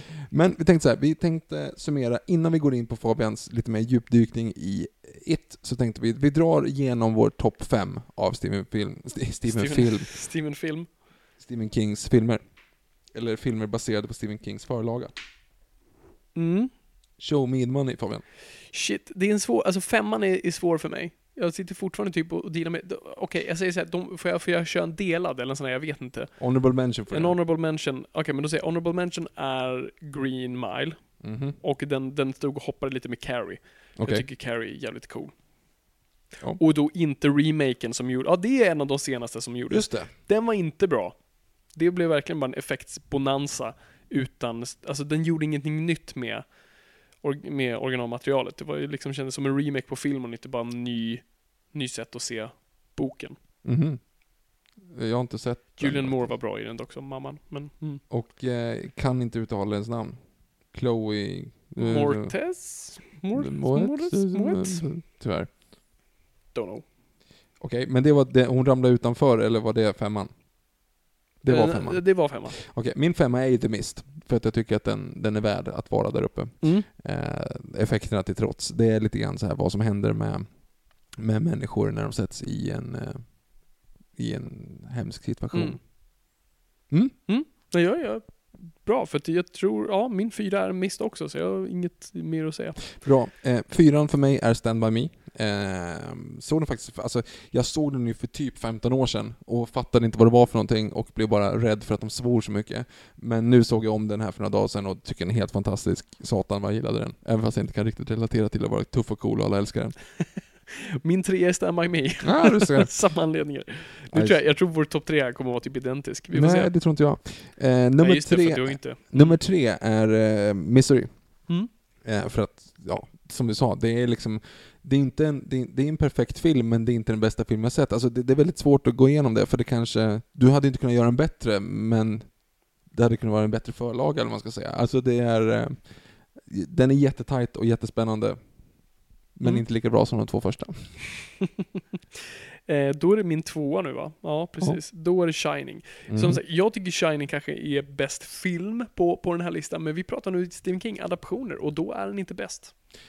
Mm, eh, min tvåa är Shining. Eh, för att, fan vad tråkiga vi är.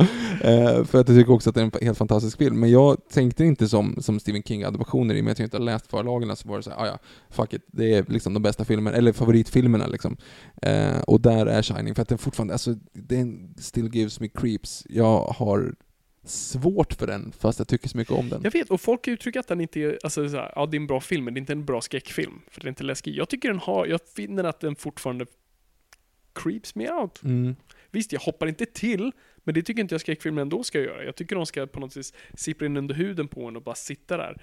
Alltså jag kan ju fortfarande tycka liksom hotell är obehagliga på grund av den. Mm. Mm, mm, jag är med. Vad det är nu- jag nu. Så min Då nummer ett, etta, ja, Då, ja. är, då är det ganska uppenbart Misery. Ja. Eh, jag, som sagt, jag tycker det är en perfekt film. Jag tycker det, för mig är den så här fem av fem.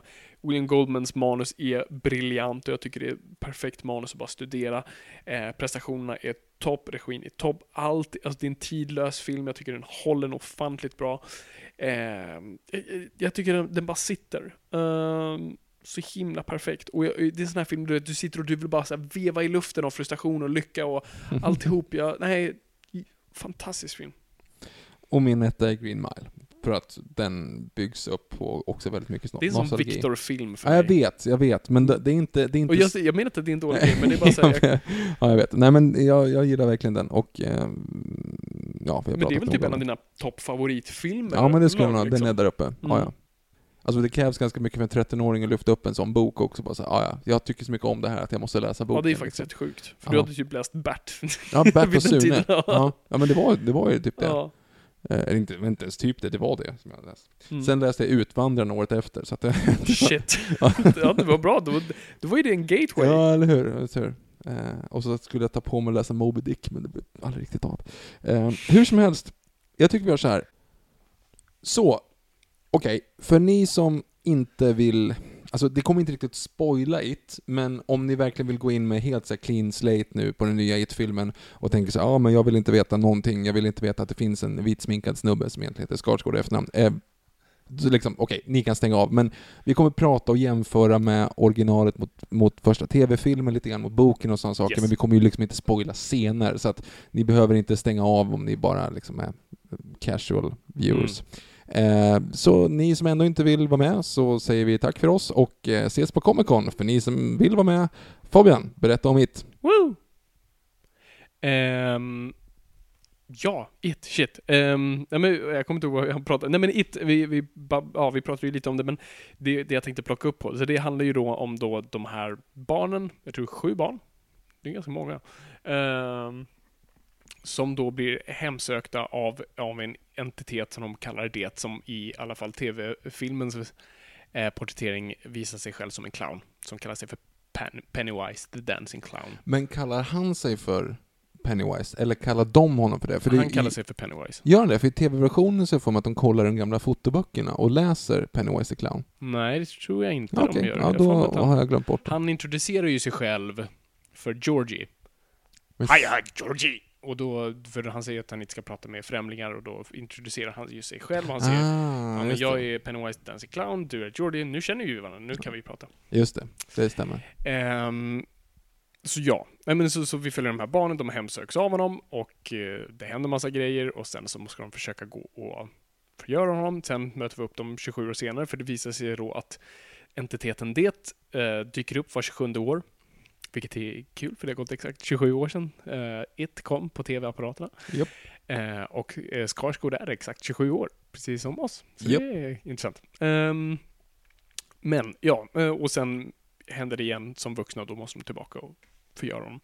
Ehm, det är en supertjock bok som vi sa, den är på 1160 sidor tror jag. Shit, pommes frites. Det är mycket. Och den går i detalj på många grejer. Eh, allt ifrån child gangbangs till uh, födseln av universum. Men om vi ska gå in på det här nu då. Ehm, TV-versionen. Yes. För det första, jag tycker den var jättedålig. Det, jag, jag, tycker den jätte, jag tycker den har några effektiva scener. Eh, det är dock jobbigt i en tre timmars kontext, för nu när man ser den på DVD eller Blu-ray, man ser ju den ett svep, så det blir som en tre timmars film, den har ingen paus eller något sånt där, utan det är bara det sveper som en film.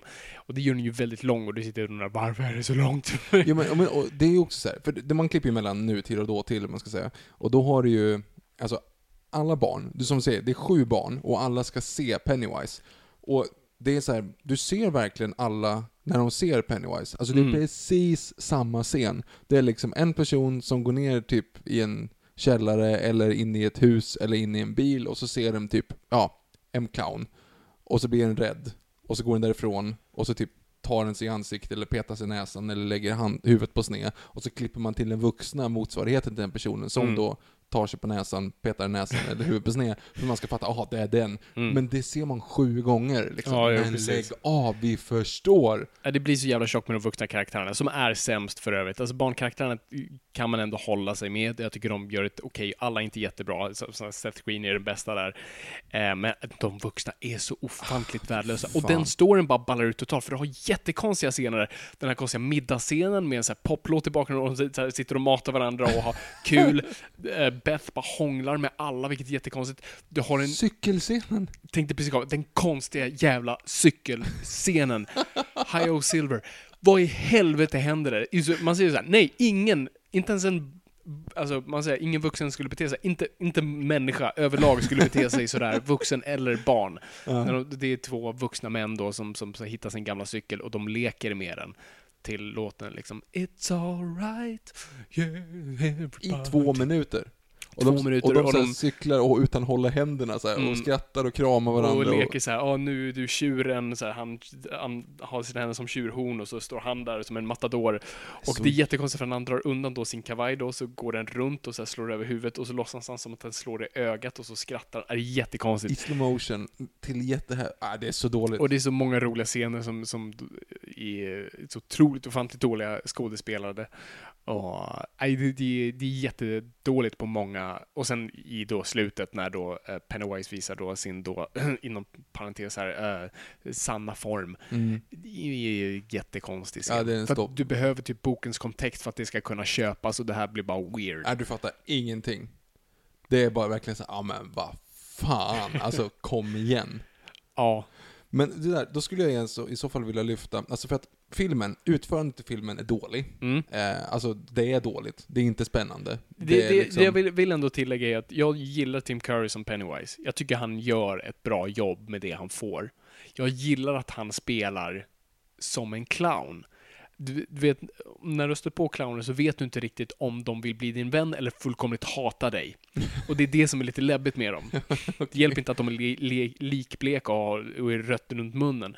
Men just den här grejen, här, hatar du mig eller vill du bli Jag vet inte vad du vill. De har ju en konstig passiv aggressiv aura över sig. Och jag tycker han reflekterar det bra. Men jag, mm, ja, fast sen så kommer duschscenen. När det kommer massa så här duschkranar och jagar en pojke. Ja. Det var så här, vad gör, vad är det här för någonting? Ska det vara läskigt eller ska det vara freaky eller ska det vara, vad jag är det som inte. händer? Ja, det är lite konstigt. att se. Men sen dyker han upp och då blir Pennywise upp och då blir det bra. Mm. We'll float down here. Men jag fattar, okej, säg så här då. Jag tycker premissen Mm. är cool. Jag tycker det är en ascool premiss. Ja, och, Jag tycker det är en jättebra idé.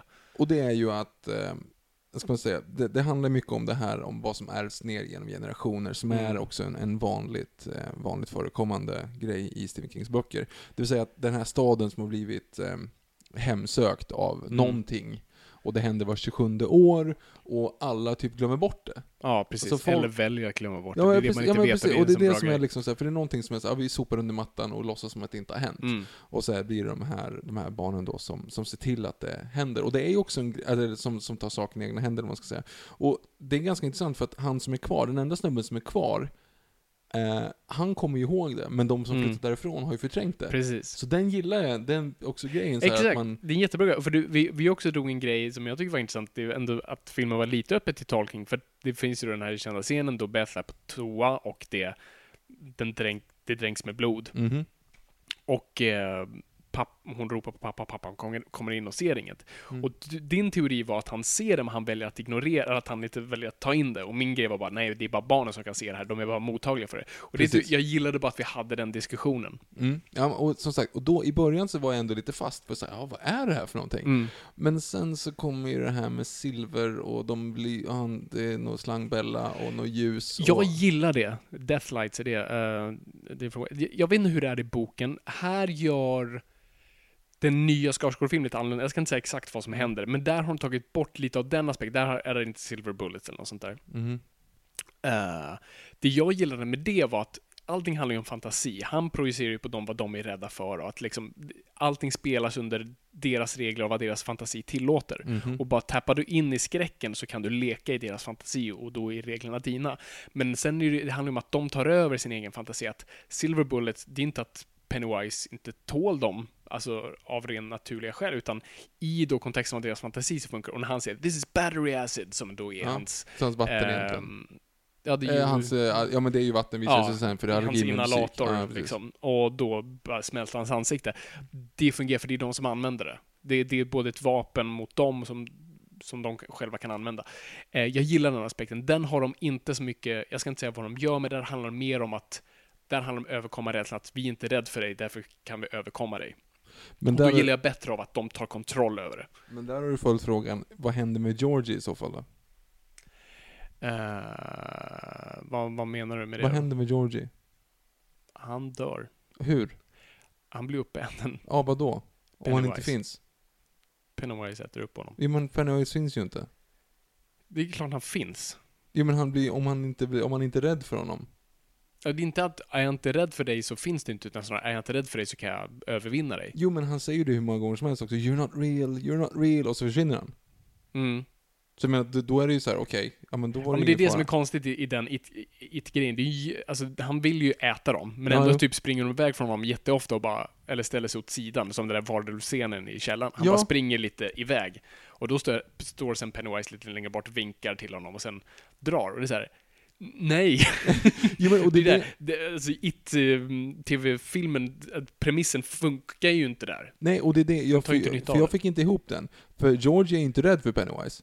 Nej, precis. Han vet ju inte, han vill ju bara inte prata med främlingar. Mm. Och så här, nu är du kompis, okej, och så blir han glad liksom. Ja, exakt. Och sen så sliter de arven av honom. Men fast, fast vänta lite här nu, vad, men då borde han ju kunna äta upp den här snubben i duschen också, för snubben i duschen är också rädd. ja, och helt men han ensam. säger bara så här: okej, nej, men, nej men jag är inte rädd för dig, för du finns inte. Mm. Och så klipper de bort dessutom, man ser inte ens vad som händer. Ja, Men, det är en jättekonstig grej. Och där kan jag nog tänka mig att boken har en jättebra förklaring till det där och att det, det, det finns något, någonting betydligt mer komplext. Men jag tror bara att tv-film inte har någon koll på hur de ska göra. för Pennywise kommer ju också och lyfter upp en av barnen när de är nere i... Det är en sån konstig Ja. val av bild, för man ser att de inte riktigt vet hur de ska göra den. Som att det ser verkligen så konstigt klippt ut. Han kommer in i deras grupp och tar den och lyfter bort den. Inte- Ja. Det är så här fotat smått uppifrån, ser jätteawkward ut. Det ser jättekonstigt Och där har du ju ändå, där är ju liksom en reinkarnation, där är ju clownen där på riktigt så att säga. Ja. Så han, han lyfter ju barn. Och, ja, precis. Jag menar, alltså, han är ju en entitet som, alltså han är ju inte rök, Eh, han är ju en fast grej. Det här, alltså, I boken är det mer, där, alltså, här, där fram, eller där, där visar han ju sig i olika skepnader mer. Mhm. Clownen är, tror jag, lite av en basic liksom, gestalt, men inte så mycket som det är i filmerna nu. Mm. Det är lite mer nu, i Skarsgård-versionen är att han visar sig, som i böckerna, lite mer som olika saker. Mm, okej. Så till exempel för ehm, då han, den uh, hypokondriska, Mm. visar sig som en spetälsk offer som kommer liksom efter honom som en zombie. Aha. Sådana där grejer. Så att, var, grej- så att först visar han sig faktiskt som det den personen är rädd för och sen visar sig som clown. Ja men det Mm. gör de ju typ i tv-versionen också. Alltså att det är typ en varulv först. Ja, för Men det är, bara varulven konstigt. typ. Jag kan inte komma på andra grejer den gestaltar sig som än den där varulven. Det är därför varulven blir så weird. För jag fattar inte det. Först bara, va? Jaha, är det det den gör? Och sen så gör, vilka fler grejer transformerar sig till förutom på slutet Nej, då? när du säger det så kanske det inte var så många, men jag har för mig att det var, för jag, jag uppfattade det som att han skulle visa sig för det han var rädd för. Alltså han, han visade sig Han som visade sig- Georgie. Vad sa du? Han visade sig som Georgie. Som Georgie? Ja. Ja, jo, jo precis. Jo, men han visar sig som flera grejer där nere Ja. i, liksom, men det är ju inte deras, det är ju inte deras, det de är rädda för, utan det är ju typ deras så här personliga, Han visade sig... personligt de typ älskar eller har Ja, en det, relation precis. till. För, visar för sig hans, pappan och hans sådär. farsa och sen det här skelettet och det också ju. Vilket, vilket skelett? Han visade som ett, det kom ju upp ett skelett ur vattnet. Ja, just det. Jo, i och för sig. Ja. Så lite de grejerna gör. Mm. Ehm, det är sant. Mm. Ja men det är ju i alla fall, det, någonstans så finns det ju liksom typ ett, ett, en, en sak som kan visa sig i olika skepnader och anpassa sig utifrån vad folk är rädda för. Men det är lite inkonsekvent om den finns eller inte, om den kan skadas eller inte, om den liksom, det är mycket Ja, sånt. nej, i tv-filmen i alla fall. Ja, i Det är tv-film. väldigt Ja, precis. så. Och det, delvis också lite, de, de spelar mer som ett mysterium i då Skarsgård-versionen, så Mm. då omfamnar han istället av att faktiskt inte veta att reglerna är lite oklara, men det funkar lite bättre där. Mm. Eh, och sen, men det som, som vi pratade om tidigare, den här stora grejen som jag gillade i så fall i boken, det är ju temat. Det vill säga att alla, att, att du återupplever din barndom, vare Ja. sig du vill eller inte. Precis. Nej, det, är, och det är exakt den grejen jag, jag gillar också. Och Det ger mig suget av att läsa boken. Mhm. Mest den aspekten av det. Så jag är lite sugen nu på att göra det. Men som sagt, boken innehåller jättekonstiga Ja, den innehåller grejer. ju en barnorgiescen. Ja. Vilket är ganska känt vid det här laget. Vilket inte är med i någon av versionerna. Tack gode gud. Men det är en scen, alltså det är, boken slutar med när de har, okej okay, de har övervunnit Pennywise på ett eller annat sätt.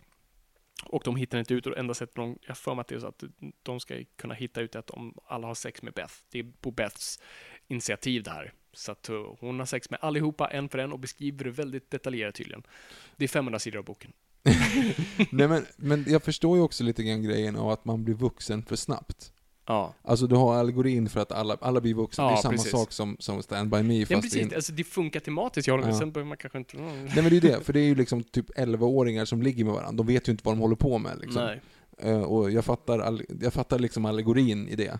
Mm. Men det är ändå fortfarande, han har skrivit in 11-åringar som ligger med varandra. Och typ Yes. sex snubbar och en, alltså det är liksom, vad, vad gör du Steven? Det är Stephen King.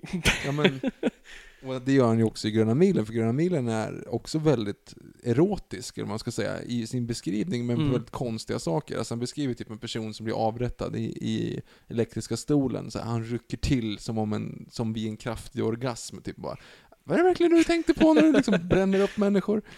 Ehm, så att han verkar vara lite sådär också. Mm, jo. Nej, det, det, det. Så, ja. Är- Det är lite weird.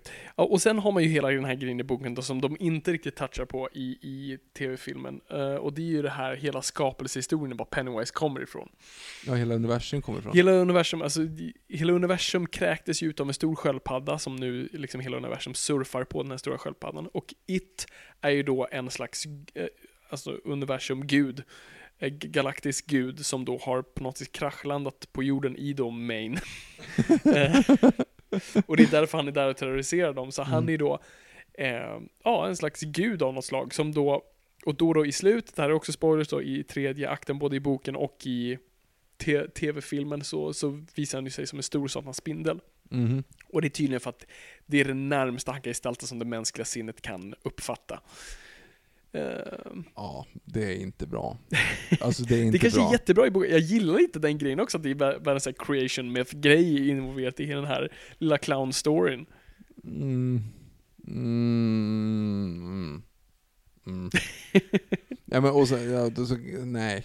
Nej, stop motion spindel som har ett universum i magen. Det ja, nej, men liksom, det, det, som sagt, i tv-filmer, det, är- Ja. det är inte bra. Nej. Det är jätteawkward och de ska säga, de sliter ut hjärtat på den. Det är en jättekonstig scen. Och den bor i en pytteliten dörr dödskallar. Ja, nej, det var Är inte? speciellt. Nej, alltså absolut. Alltså It, eh, It TV-filmen är inte vidare bra. Den har några ikoniska scener och en ikonisk prestation av Tim Curry.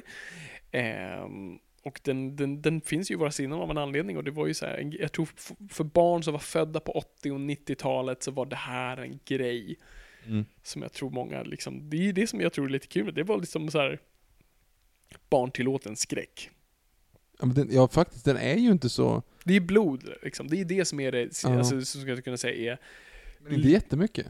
Nej, inte blod från så här sprutande huvuden utan det är som i, i badrummet där just det, och, det. och fotoalbumet som blöder och sånt där. Så det är, det är sånt där som jag skulle kunna vi- tänka mig visa mina framtida barn för att bara skrämma upp dem lite. Då ska jag visa jag skulle inte visa Kenny nya- Star, jag ska visa Kenny så ja, det hade funkat på mig. Nya It är ju en hard R. Den är ju inte till för barn. Den är så, den är jätteblodig eller? Ja, där är det ju liksom eh, små spoilers men med Georgie i början då. Armen slits av. Hoppla. Ja men det, det, och liksom det han säger ligger där och ju bara. krälar liksom bara. Det Ja. sprutar blod. Så att det är ju... Mm. Ja för det säger de ju bara i tv-versionen. Precis, Mm. för du bara ser att han tar tag i hans arm Mm. och så ser man hans då taggiga käft. Mm. Här ser man liksom att han greppar tag, liksom hans mun blir jättestor och taggig och liksom Mm. Nice. Så att det är lite annorlunda och det är mycket fax, alltså som sägs och, Jaha, och, inte, inte. och liksom, ja men och blodigt på, alltså Mm. blodet i badrummet är ju här en liksom det är ju Evil Dead ja, nivåer. Det, är, det är inte som det, du vet i, ja, i tv-filmer så är det ju en ballong som bara Ja, och så är det ja. lite blod i handfatet. Nej, precis. Och en jättekonstig scen inne på biblioteket är också väldigt konstigt. Ja, nu måste jag tänka, för nu tänker jag bara på, för det är en, det är en scen i biblioteket i den nya också. Ja, nej men eh, ballongerna som smäller. Ja, den tycker jag är rätt bra. Jag tycker den är både rolig och obehaglig och Tim Curry får bara leka loss. Mm. Ja, speciellt.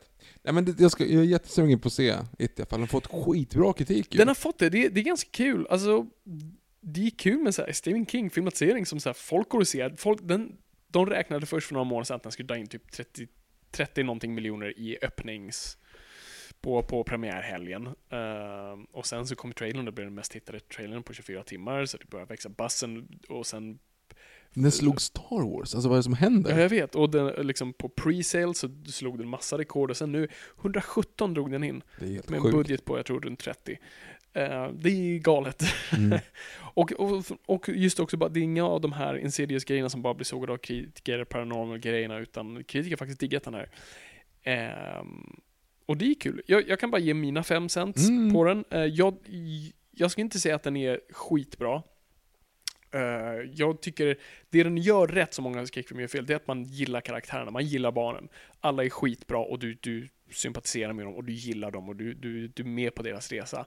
Sen är ju frågan, är den läskig? Mm, jag tycker inte det. Det är mycket eh, slå i dörrar-grejen och att, stora smäll. Det finns några bra scener som är lite såhär, oh det där var lite obehagligt, men det är mycket bara tyst, tyst, tyst smäll. Eller liksom vi bygger upp för liksom, att vi så här, för när de bygger upp till sina skräckmoment, då är man lite så här smånervös. Men sen när de visar då Pennywise i den formen han väljer att ta den stunden, då är det så okej, men nu är jag inte rädd längre. Nu ser jag Mhm. vad det här monstret eller den här grejen är. Mhm. Då är det inte läskigt. Och sen, Skarsgård är bra. Jag gillar honom. Han, vill, han går en helt annan rutt än, än Curry, vilket är bra. Mm. Men han går på väldigt Sinister Clown-grejen av att vara du kan inte missta det där för att vara någonting annat än ett monster. det är creepy och liksom, han går på full skräck där. Mm. Medan vad jag gillar med Tim Curry är att det skulle kunna vara en väldigt bara psyko psykopatisk clown Mm. som har hängt på fel cirkus.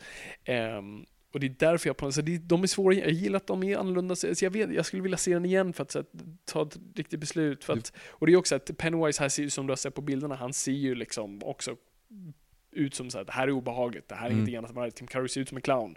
Mm. Ehm, här ser han ju betydligt mer obehaglig ut. Så att jag är lite delad på det, för att jag uppskattar det han gör, jag tycker han är bra. Och det, är liksom, det är kul för ho- honom och, och jag gillar många grejer, vad- det han gör. Men det är bara, det, det, det når inte mig riktigt. Hmm. Nej, jag måste ju se den, jag har inte gjort det. Jag tycker du ska göra det. Jag Ja. tycker det är, liksom, det, är en, det är en kul rulle att gå och se. Alltså det, är, det är kul att se en bra skräckfilm, för jag kan förlåta mycket när faktiskt karaktärerna sitter. Ja, det är kul. Och det är skönt att de bara berättar barnens story. Ja, att de inte klippte mellan de gamla. eller? Nej, utan det är det här vi ska göra och nu vet vi att det kommer en uppföljare eh, då vi ska följa de vuxna. Så att Ja, men nice. det är, det är som det är. Nice. Ja, men vad kul. Vad kul. Vad tror vi om, om framtiden på Stephen King då? Alltså nu kommer ju att gå bananas. Nu kommer, nu kommer de ju- Coogee ja, Coogee remaken. ja, för fan. Ja, nej, den kan de ju skippa. Men Ehm, Stephen King kan nog skratta hela vägen till banken tre gånger om nu. Alltså nu kommer de ju börja köpa om och köpa nya rättigheter till hans grejer. Nu, nu är ju Stephen King het igen. mm, och framförallt den har gått så jäkla bra. Ja, det var inte precis, det var inte att den gick så ja ah, men det gick bra, vad skönt. Utan det gick så jävla bra. Det Ja. visar på att det, den låg så rätt i tiden. Ja, jag nej, vet inte hur, men Fantastiskt. jag vet inte var den tilltalar just nu. Eh, Det kommer säkert eh, filmvetare kunna kontextualisera i framtiden. Just nu är det svårt att se det. Men det är någonting den, det är någon not den slår på som vi gillar. För att jag tror, om den här släpps för liksom bara fem år sedan, det hade inte varit samma grej. Det är någonting nu. Jag vet bara. Nostalgin mot 80-talet Jag tror lite det, den. alltså mm, absolut, alltså att Stranger Things har öppnat upp. Vilket var lite kul för att de som skapade Stranger Things kom till Warner Bros först och pitchade sin. It-version. Blev nekade, gick och gjorde Stranger Things. så att du ser en korrelation här, för sen Mm. har ju de här plockat från Stranger Things nästan rakt av. En av skådespelarna från Stranger Things är en av barnen i It. Ah. Så att, eh, har ju definitivt en influens där. Så de lär ju vara lite bittra att säga fuck. Men kanske glada. Ehm, så att det, vi kommer se, det här spelar ju in i verkligen den här 80-tals nostalgiperioden vi lever i just nu. Ja. Och ja, det kanske så det kommer är också se mycket, träff, mycket liksom. fler barn, barnfilmer. Nu kanske vi kommer tillbaka till de här Goonies och alla de där grejerna som gjordes på Ja, 80-talet. Men jag känner ju att jag har missat någonting eftersom jag inte växte upp på 80-talet. Nej, precis. Nej, men vi missade den gyllene perioden för barn, liksom så här medelbarnfilmer, som inte var barnfilmer, som kunde vara spännande och lite läskiga. Mm. Goonies, Ehm, Gremlins, E.T. Um, ja. Och visst, man såg några av dem, men Goonies har jag till exempel fortfarande inte sett. Så jag missade ju massa av dem där, och It och allt sånt där. Jag tycker det är lite synd, för vi hade, uh, jag vet inte, vi kanske sa det här i podden förut, eller så sa jag det till dig, men så här, vad, vad filmbranschen i Hollywood var för barnen på 80-talet var TV4 för oss på 90-talet. Då det känns som varenda program på fredag och lördagkvällar var byggt för barnen. Japp, man lekte Fångarna på fortet och på rymmen på rasterna liksom i grundskolan. Precis, men också så här, gladiatorerna, det var de här, de hette inte Robo Horse, men det var de här vet, med robotar som krigade. Men det hette inte de Robot det Wars? kanske det gjorde. Och sen var det småstjärnorna, Ja, och det. sikta mot stjärnorna och massa andra grejer som var liksom så här, det här är uppenbart för barn och inte någon annan. Men vi fyllde den slotten då, Mm. vilket man inte gör idag. Lycka till att hitta barngrejer på kommersiell TV. Nej, men det är ju Idol liksom. Det är så när man kommer ja, men det är ändå, småstjärnorna. precis, men den ja. täcker ju de flesta demografer. mm, mm, Ja, det är en mm. intressant grej. Det ska bli jättekul. Alltså jag är taggad på fler Stephen King-grejer eh, som filmatiseras. Det, för, för ändå, det känns som en grej som dog ut lite och det är ändå en grej som jag tycker vi ändå haft på 90-talet och tidigt 2000-tal, att man visste om att Stephen King filmatiseringar var, var en genre i sig själv. Och jag ser, jag ser fram emot tillbaka till det lite. Och nu efter det här avsnittet, jag är skittaggad på att läsa en Stephen King-bok. Mm. Eh, jag vet inte vilka jag ska börja med. Jag funderar på Misery eller Shining. Eh, har ni något tips så får ni jättegärna höra av er på Twitter eller Instagram, men eh, helst på Twitter, antingen till mig, att Fabian Nolander, eller på hashtag Noipod. Eh, vore jättekul att höra om ni har några favoriter och så här, vilken man borde börja med. Du borde nästan börja med Shining, för då har du någonting att referera till i ett avsnitt framöver. Du har helt rätt, det Mm. kanske är den jag ska lä- Nu är det ju så att varenda ehm, Stanley Kubrick-film är ju baserad på en bok. så det är många böcker att läsa. Fan, jag borde läsa 2001. Shit, nu fick jag bråttom helt plötsligt. Jag måste kolla på schemat. Vi har det eh, upplagt. Men jag ska läsa en bok till eh, nästa avsnitt. Va? Vilken då? Jag kommer inte ihåg. vad- ska vi göra nästa avsnitt? Det är ingen som lyssnar nu, då kan säga Ja. Do Sheep Dream of Electric Sheep, tror jag den heter. Nej, förlåt. Nej, Do, do Androids Dream of Electric Sheeps. Sheep. Mm. To Blade Runner. Electric. Just det, Blade Runner. Blade Runner ska vi snacka nästa vecka, för Mm. det har ju snart då den nya Blade Runner-filmen, så då ska vi snacka Blade Runner, alla dess versioner, och eh, boken och allt sånt där roligt, så det har ni att förbereda er på. Fantastiskt. Yes. Men nu måste jag gå och köpa både Shining och 2001. Shit, det är ju de två jag vill läsa. För 2001 har nu premiär den här veckan, tror jag. På, jag tror idag när den här, det här avsnittet släpps, har 70 mm versionen premiär i Stockholm på sal 1. Vi ska gå och se den, inte nu på torsdag, men går även nästa vecka. Ja, då får vi göra det. Eh, men innan, eller ja, jo, det blir innan vi går och ser den så ska vi också på Comic Con. Yes, vi ses ju där allihopa. Ja. Alla du som, du, särskilt du där som lyssnar. Ja, Kom dit. Känn dig träffad. Vem? Jag? ja, du går ut och eh, det är vackra vädret. Ta en kopp kaffe. Men kom inte dit med en slaghammare och säg att du är vårt nummer ett fan, för att det kommer efter det här avsnittet så... Sledgehammer. Ni måste ha Se sett. Misery för att förstå den. Ja, Yes. Eh, vi bommar igen här tycker jag. jag tror det. Eh, jättekul att ni har lyssnat. Det är kul att vara lyssnat och kom ihåg gott folk, ingenting är för nördigt.